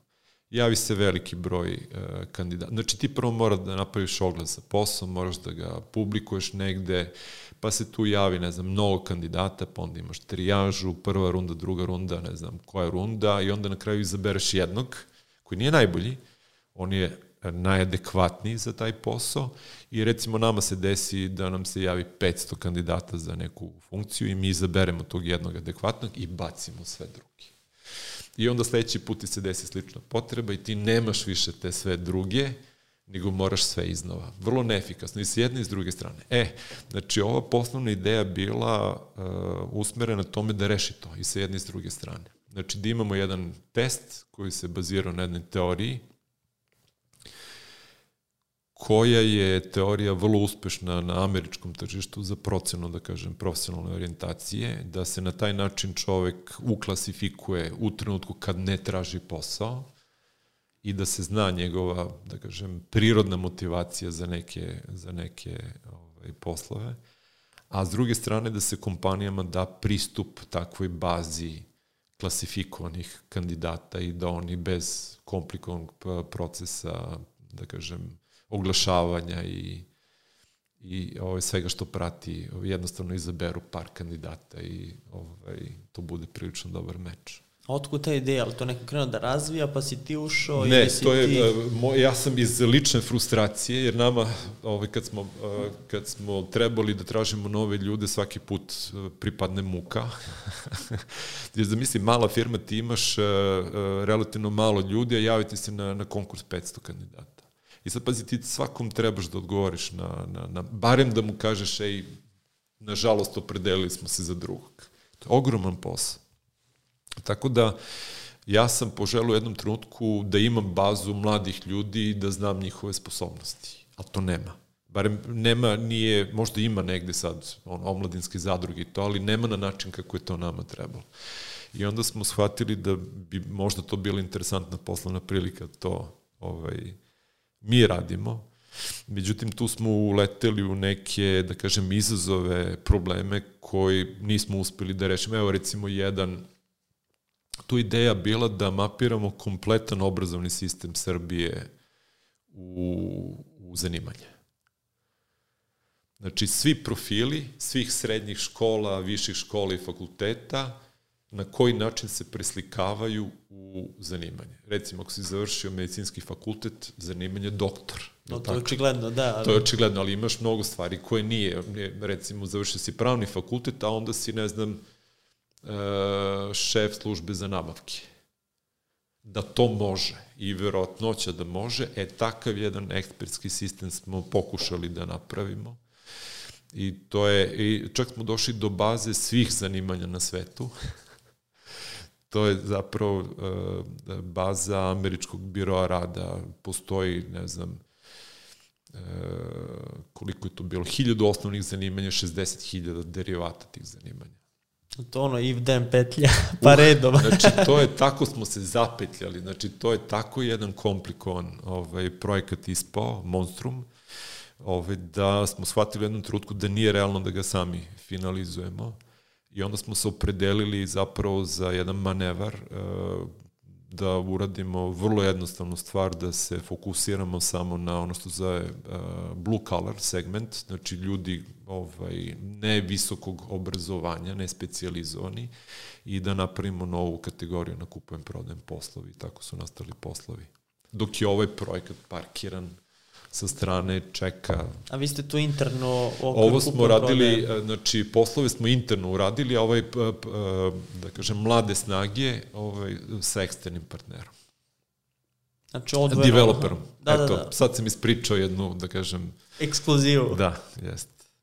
Znači, odvojeno toga, jesi ti kao, kao preduzetnik gledao da uđeš još neke biznise, da budeš ili investitor ili partner u drugim biznisima? Jesam, gledao sam i ovaj, evo, znači imao sam jednu propolu investiciju u jednom e, francuskom startupu u fintech oblasti, o tome pišem u Medvedima na putu, jedna priča kako je to izgledalo, vrlo interesantno iskustvo. Uh, Ovaj, i, a, a ovde sam i, ovaj, udeličar u Mokrogorskoj školi menadžmenta, što je meni velika čast.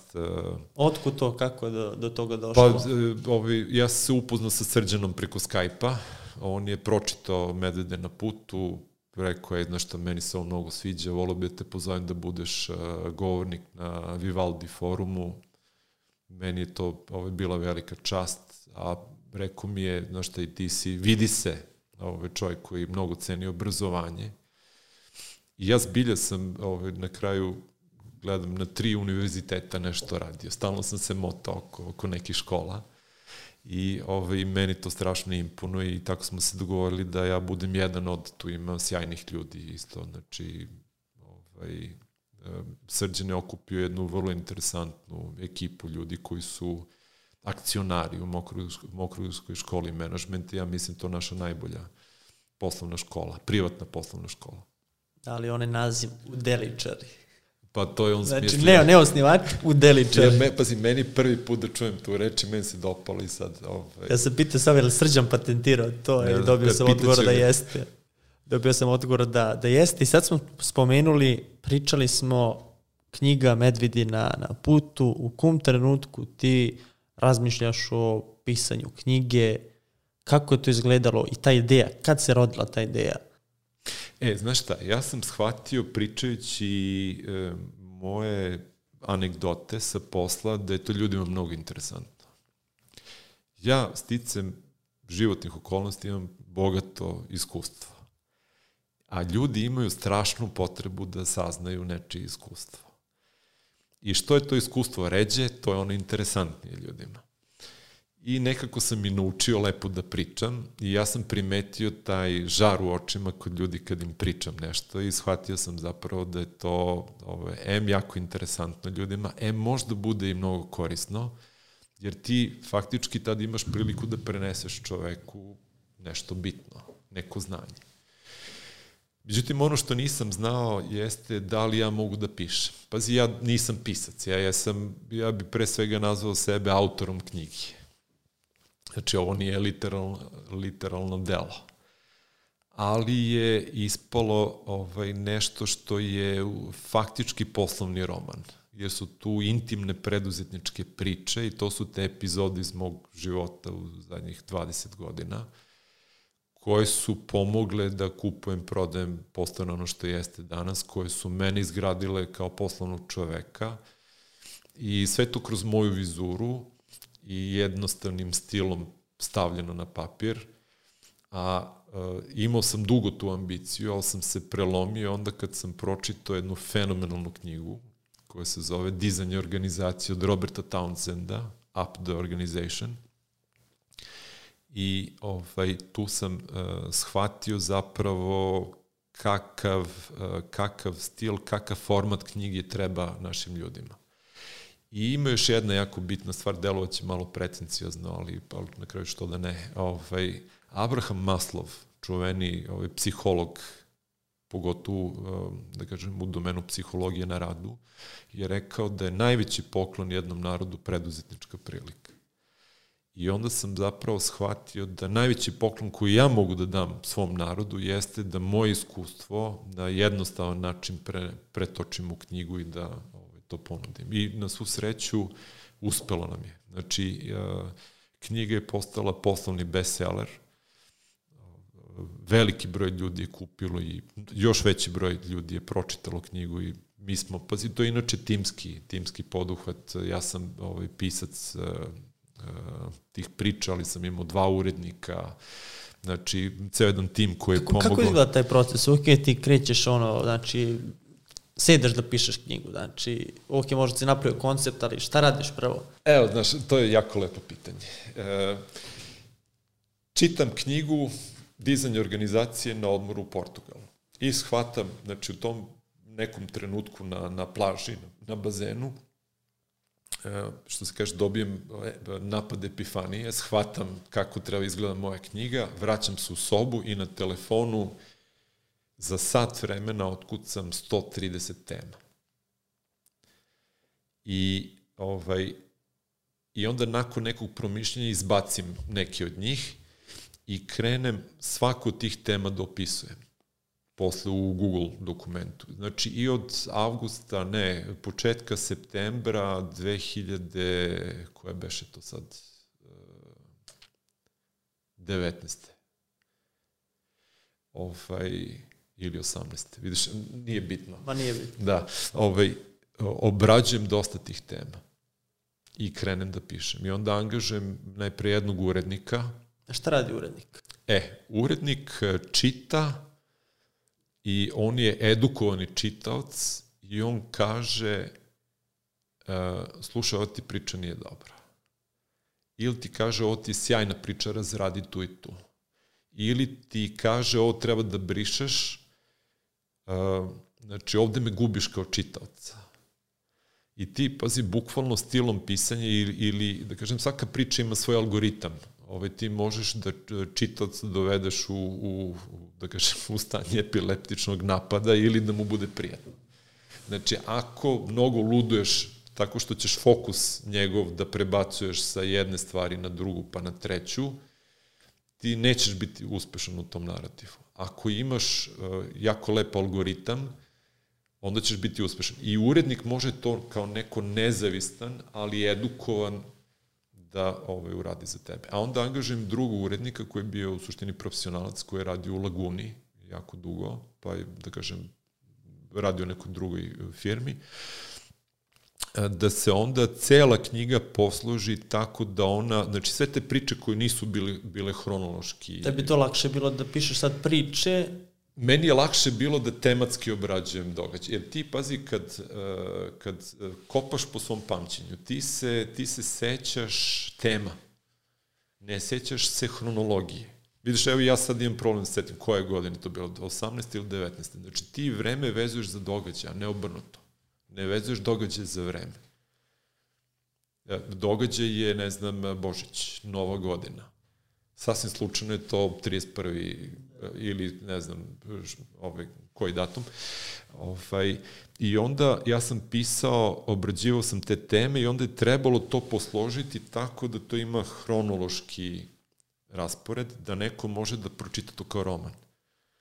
I onda tu došlo i do nekih e, preturbacija, tipa, znači, negde sam krenuo da, da dajem savete, a zapravo ideja bila da to bude priča, da bude interesantno, da savet bude sakriven jer ne vole ljudi da im se drže lekcije. Znači, nije ideja bila tu bude učbenik neki, daleko od toga. I onda, pazi, kad to e, imaš, dobiješ tekst, onda e, lektor treba ti ispravi sve, da kažem, e, greške u, u, u pisanju. I tu ovaj, se zapanješ koliko ne, koliko ne znaš pravopis. Evo, recimo, ono što je meni ostalo, ne kaže se puno hvala, nego mnogo hvala. Puno je čaša a možeš mnogo da se zahvaljuješ. I tako nekih stvari milion, znaš. E onda kad se završi lektura, imaš jednu ruku, drugu, ti čak i na papiru radiš lekturu, jer uvek se desi nešto promakne, onda se slaže tekst pa se onda štampa. Nama se čak desilo da prvo izdanje knjige bude loše kvaliteta, pa smo morali da uništimo. Koliko primjera? 4000. 4000, pa šta je bilo loše? Pa tu, ovaj, evo recimo, margina je bila kosa ovde.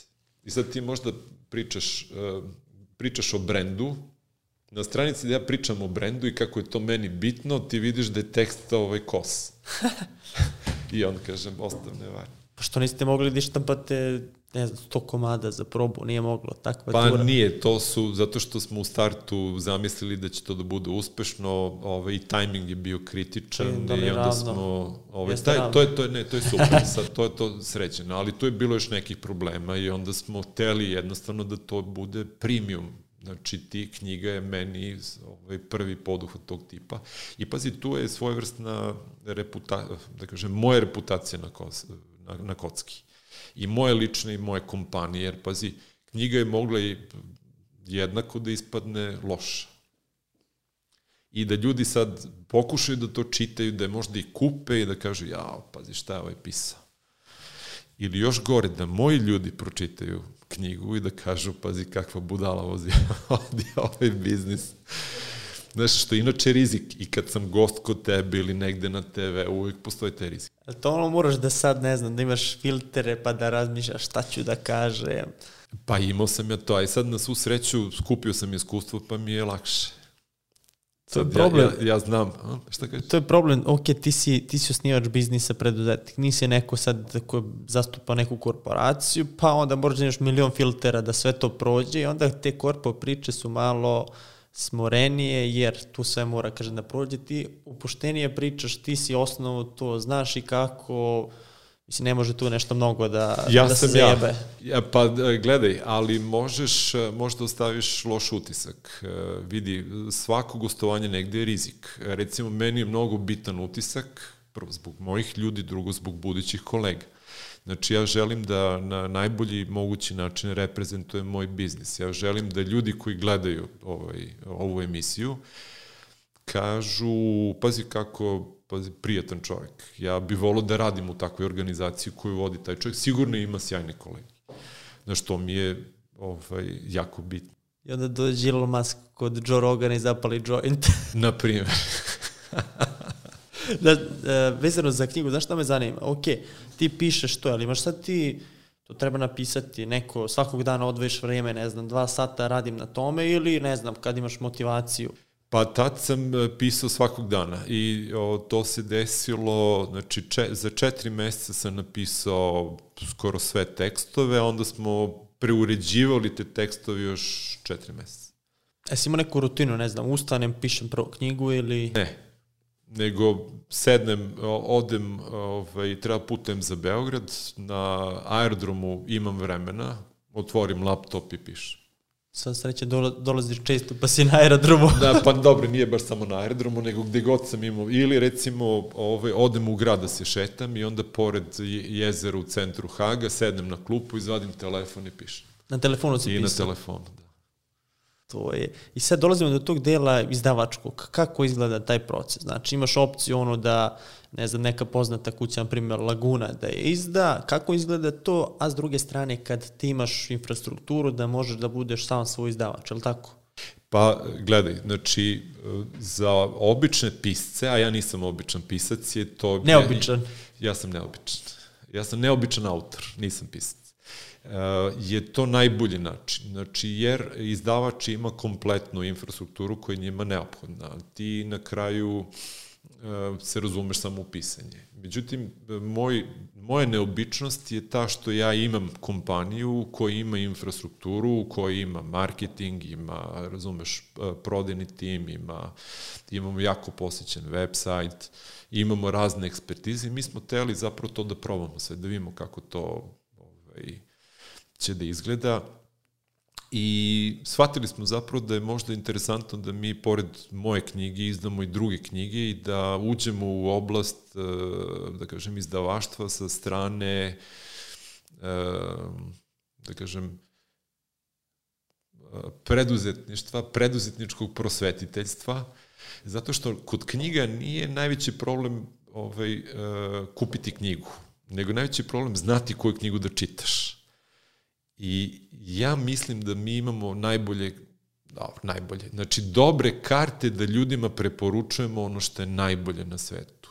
Znači evergreen za poslovnu literaturu, ono što je zbilja pitko, čitko, gde su fenomenalni saveti.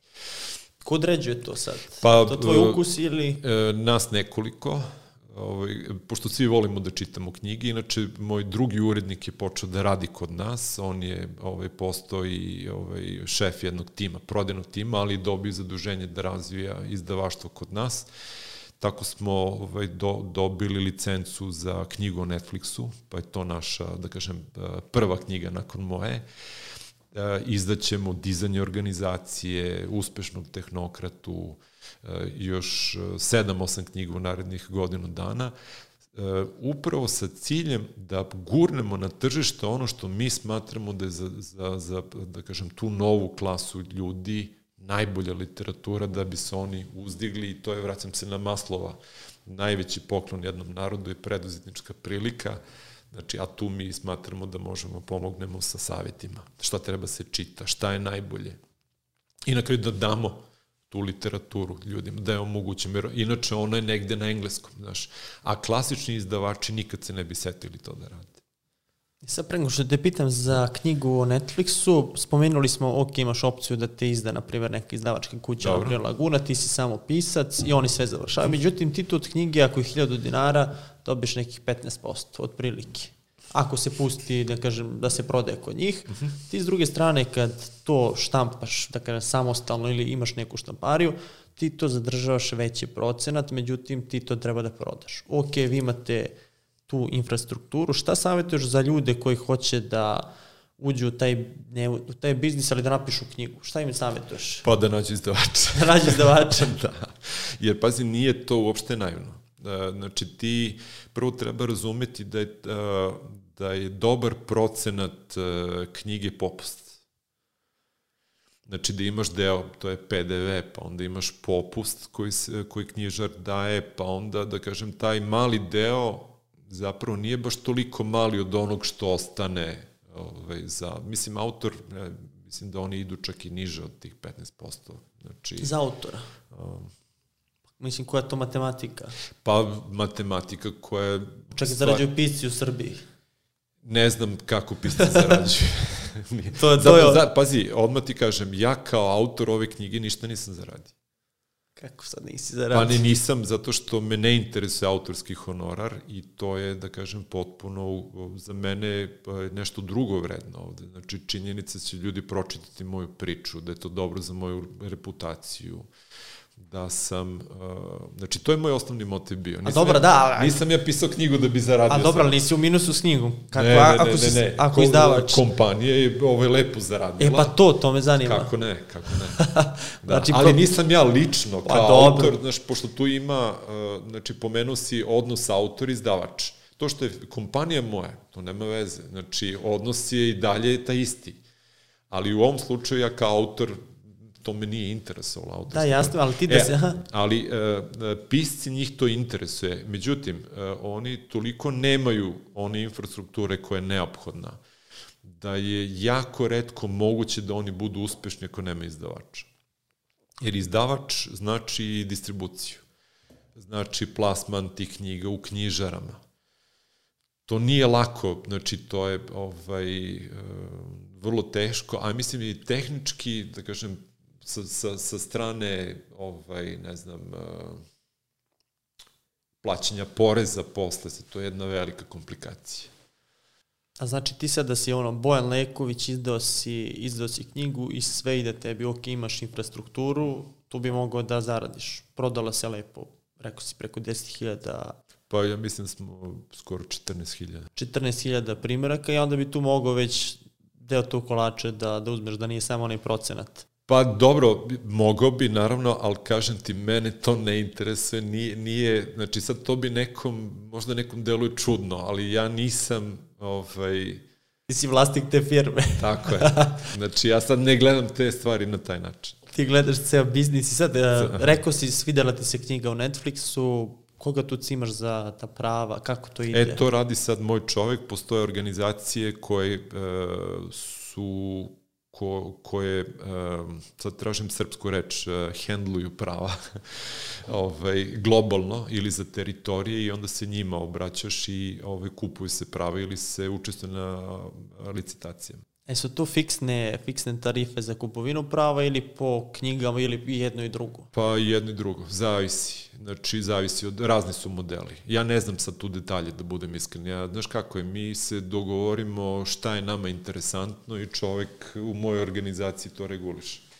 I negde u business case-u vidim ovaj, da li je to isplativo ili ne I onda, onda se pokrene mašine, mašinerije, to su mahom, da kažem, spoljni saradnici koji rade sad na, na, na tome, da se to, da kažem, kreira kao projekat i onda se izbacuje knjiga. Znači, mi, nama je to uh, i sa brand strane uh, jako zgodno, jer uh, svako, svaka asocijacija sa nečim tako plemenitim kao što je knjiga, koja služi za uzrastanje nečije lično ne može da ti ne, ne kreira veliki brand benefit.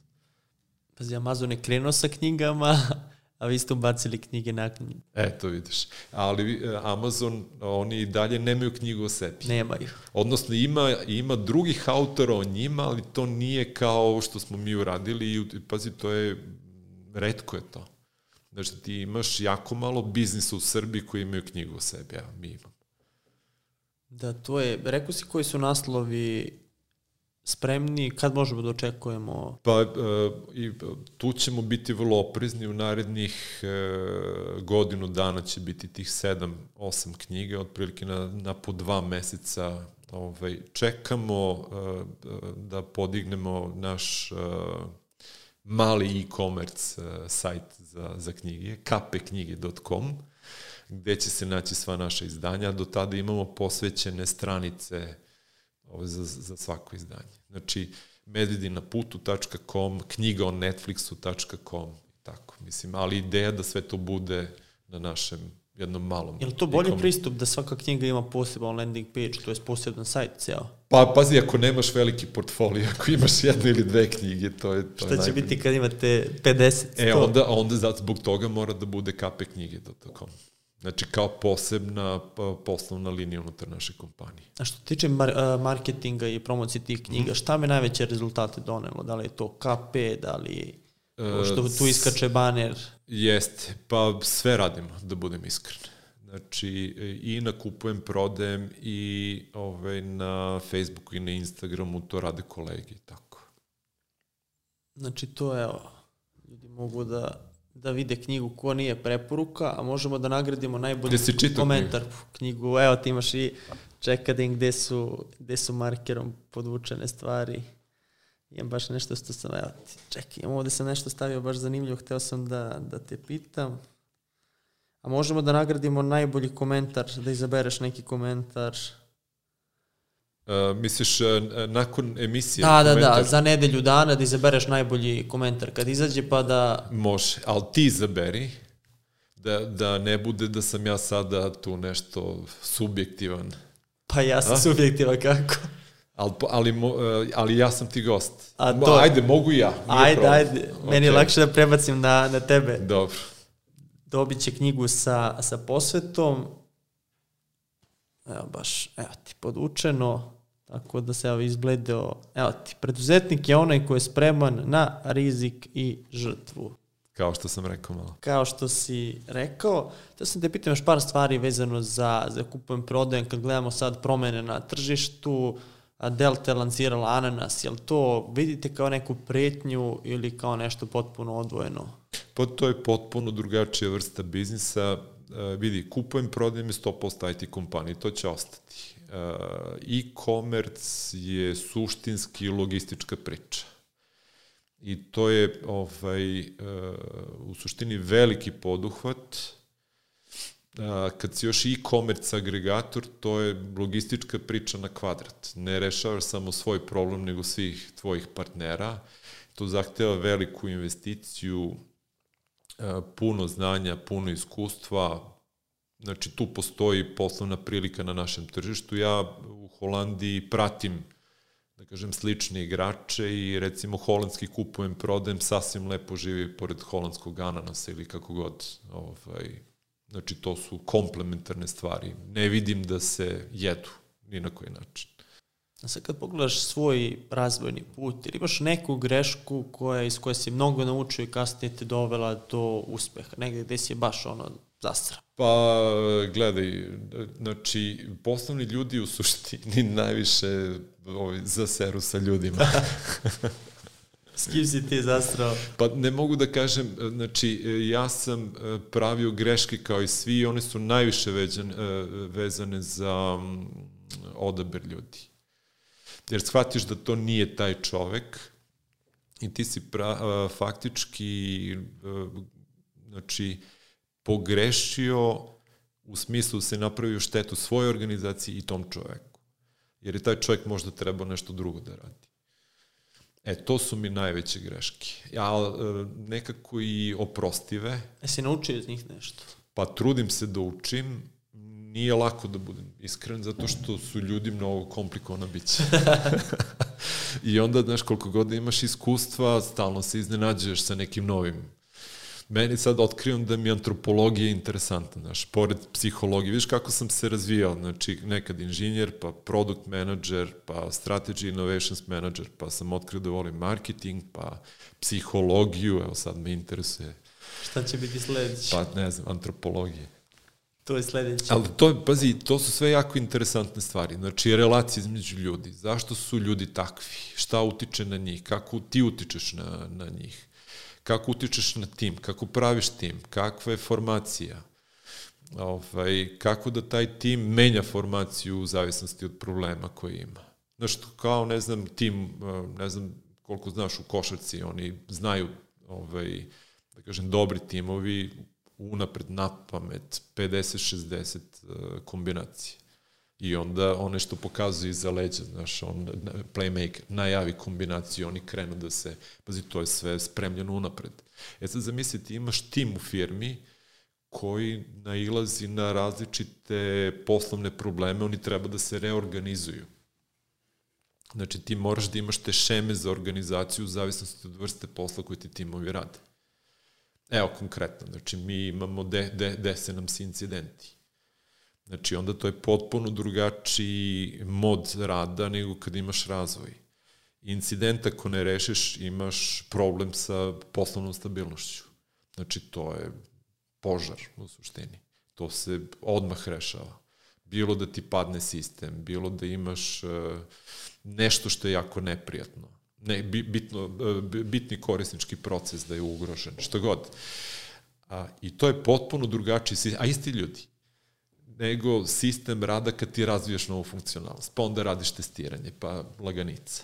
Još ako nemaš neki hard deadline. Znaš, tako da, eto, to su ovaj, interesantne stvari. Najveći neuspesi. Ali imaš neki savjet koji bi volao da si znao sa 20 godina, kad si tek ulazio u Pa, na, šta, najveći savet koji mogu da dam mladom čoveku jeste da sluša savete mudrih ljudi, iskusnih ljudi. Jesi znao ti to? Pa, znaš šta, znao sam, ali nisam razumeo, iskreno. Jer ti zapravo kad si mlad nemaš iskustva, ne umeš da ceniš iskustvo. A iskustvo, znaš to, i o tome pišem u knjizi, zamisli sad imaš iskusnog i neiskusnog hirurga i obojica operišu slepo crevo i jedan radi pola godine, prvi put, a jedan radi 25 godina.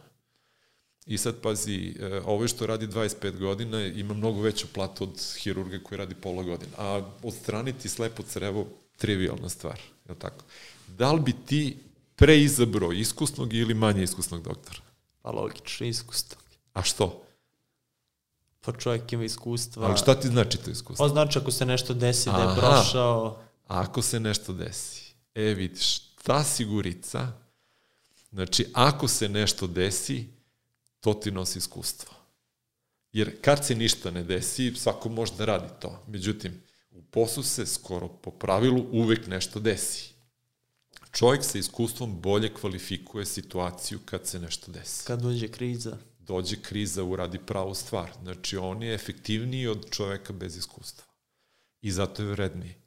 I sad pazi, e, to je jako bitno da mlad čovek zna i da uči od čoveka sa iskustvom da bude otvoren potpuno. Jer ti kad si mlad imaš veliki potencijal za učenje i ako nisi otvoren, taj potencijal bacaš. Eto to. Ja misliš da mladi ljudi to mogu sad da usvoje? Ja znam, ali kao što ti nisi znao da, znao si u teoriji to, a nisi znao da razumeš to.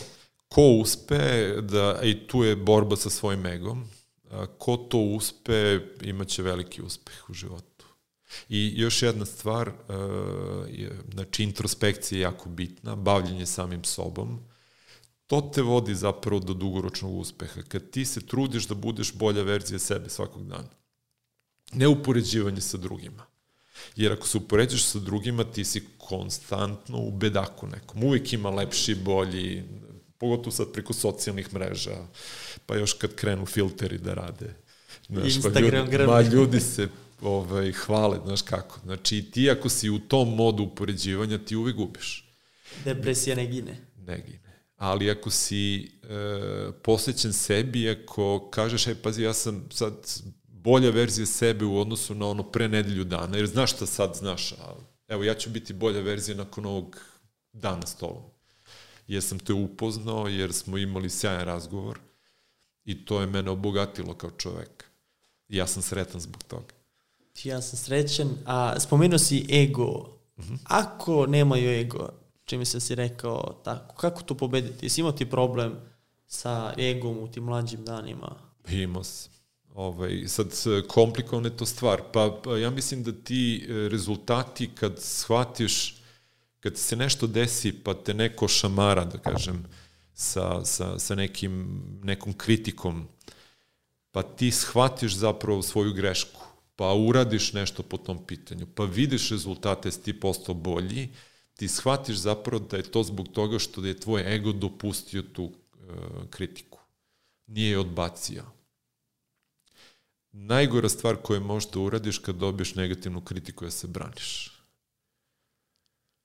Trebaš zapravo budeš otvoren da čuješ I naravno, ako je nedobro namerna negativna kritika, možda ignorišeš, ali je bespotrebno da ti sad ulaziš u neki konflikt i da se braniš. To bi ti se ti branio. Znači, ponesi iz toga najviše što možeš, ili ignoriš je ako smatraš da nije. Je bitno ko daje tu kritiku? Pa bitno je, ne, mislim, kritika od budale ti ne, ne, nije korisna, zar ne?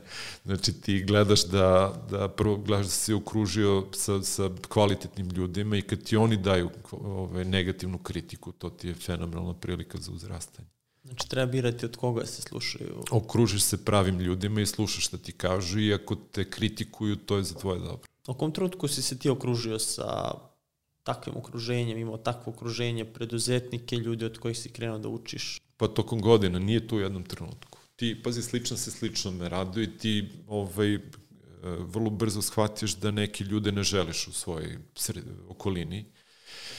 I nije tajna, niko ne voli ljude koji su negativni, koji mrače, jer takvi ljudi nikog ne mogu da motivišu. Znači, pazi, e, ja sam vrlo pozitivan, gledam na život uh, pozitivno, čak e, možda i preterano optimistično, ali vidi, to se meni mnogo, da kažem, vratilo u životu. I ja želim takav da budem i moj optimizam hrane drugi ljudi koji su takođe optimisti. I, a ovi koji nisu me energetski crpe i onda ih ne želim u svojoj sredini. Vampiri, čak i kada su ljudi neki iz bliske, bliskog okruženja, važno je da znaš ono, ko će da ti bude tu ili ko neće. Važno. I ti vidiš po tome kako oni pričaju. Da li je njima problem u životu zbog toga što je ovaj uradio ono ili ona ili nešto se njima ne da. A skoro nikad nije problem u životu što oni nešto nisu uradili. Nešto naučili, nešto pokrenuli.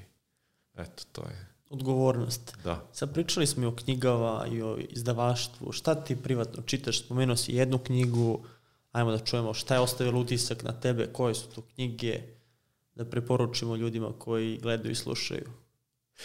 Ja u ovom trenutku čitam The Everything Store. To je knjiga Amazon. O, o Amazonu, ali ne od... Iz 2013. Jeste, ta knjiga, jako mi je interesantno da vidim ove, kako, kakve su probleme imali i to je vrlo interesantna poslovna knjiga. Jedna od najboljih takođe preduzetničkih je The Shoe Dog od uh, Phil Knight. Phil, Phil. Phil Knight. Da, Nike. Uh, ali ima i drugih knjiga uh, koje su potpuno u drugom domenu. Recimo The School of Life, škola života. Ili, ili recimo... Ko je napisao to? Mislim... Ne mogu se setim sad. A poenta je, koja je? Pa, on, znači, pomaže ti da razumeš život sa, sa aspekta emocionalne inteligencije. Znači da razumeš razne situacije u životu. Pa onda, e, vidiš, u domenu psihologije, Fatal Flaws. To mi je knjiga koju čitam, pa to su ovaj, uh, poremeće ličnosti. Zanimljivo. Pazi, svako od nas je pomalo poremećen. to, to stoji, to stoji. I onda nije loše videti u kojoj meri. To stoje. Ili imaš možda još neku da, da preporučiš? E, pazite, ove knjige sam pomenuo kao neke koji su mi sada ove, na čitanju. Nije baš da mora to ljudi da čitaju. Znači, Šta je ono što preporučuješ ljudima da obavezno pročitaju? Obavezno, recimo, ako su korporativci, knjigu o Netflixu, zato što je to fenomenalna knjiga koja... Zato što smo je mi izdali, ja? ne, ne. Uh, nego zbog toga što je to knjiga koja pokazuje značaj kulture u organizaciji kako se napravi najjači biznis u nekoj branši na svetu tako što se gradi kultura. I to je toliko pocijenjena stvar u našem biznisu, ovaj, da ne mogu da, po, znači ako bi sad, ako bi rekao šta bi preporučio nekom ko je menadžer ili vodi biznis, prva stvar koju treba da pročita je ta da razume zapravo šta jedan zdrav biznis ovaj, ima kao najveći prioritet i koliko je bitna sloboda ljudima i koliko je bitno da razumeš da ti šef radi prave stvari ili ne, jer ti šef pravi čovjek ili budala, razumeš? Kad pročitaš tu knjigu dobiješ jako lep utisak. To ti otvori mnogo, da kažem, pitanja u životu. Eto, ubedio si me, to ću da, da čitam. A za preduzetnike, rekao si da je to za korporativce, imaš nešto za preduzetnike, E, za pa medvede na putu. To je. Sad, pazi, to, to... ispade da se hvalim, ovaj, ali e, bio bi neiskren prema sebi da to nije tako, znači, zato što ova knjiga pomaže ljudima baš e, od početka. Recimo, jedna od ključnih stvari kad kreneš jeste razumevanje financije u firmi. Jedna priča je vezana za to kako da organizuješ svoje financije Ako to ne organizuješ, postoji rizik da propadneš, ovaj, jer nisi svestan svojih e, tokova novca. I možeš vrlo lako trošiš više nego što zarađuješ i da ovaj, te to uguši u jednom trenutku. Na primer, znači ima gomila vrlo praktičnih saveta kako za ljude koji razmišljaju da uđu u biznis, tako za one koji su već u biznisu ili već su izgradili biznis, ako možda se prepozna tome. Ja ću staviti, imamo spisak e, svih knjiga koje su preporučili gosti, tako da ćemo baciti ove knjige da žuriramo. Zamisli, ja sam preporučio moje. A zamisli kad budete imali 50 knjiga u izdavaštvu, pa kad budeš došao, pa kad kreneš redom. redom svaku, da. Redom svaka, spisak narastao. Pa, pazi, za svaku ću verovatno moći ti dam jako dobar razlog zašto. Jer si ti predložio jedan. Pa i to je ideja, znači da imaš vrlo uh, jak razlog, motiv da je uopšte se baviš tom knjigom kao projektom, jer smatraš da će mnogo pomoći. Sad za kraj, da li postoji nešto, to jest šta te nisam pitao, a volio bi da podeliš sa gledocima, sa slušocima, možda neka poruka za kraj? Pa ne znam, pravo ti kažem. Nezahvalno, a? Nezahvalno, ne znam, sve si pitao. Ne znam šta bi rekao. Da. Sve sam pitao, hvala ti na razgovor, evo, skoro, skoro dva sata uh. priče, tako da smo probili i ove koje si imao intervjue koji su bili tu na sat 40. Ušli smo skoro dva sata. Hvala ti na ovoj inspirativnoj priči, na ovim stvarima, na ekskluzivi koju si, koju si najavio. Drago mi je da, da si bio gost. A Mi se vidimo u narodnoj epizodi. Ostavite komentar ispod ovog podcasta na YouTube-u. Najbolji komentar dobija knjigu sa posvetom autora, ne pisca, autora, je li dobro? Da, da, bolje. A mi se vidimo u narodnoj biznis priči. Hvala ti, Vlada.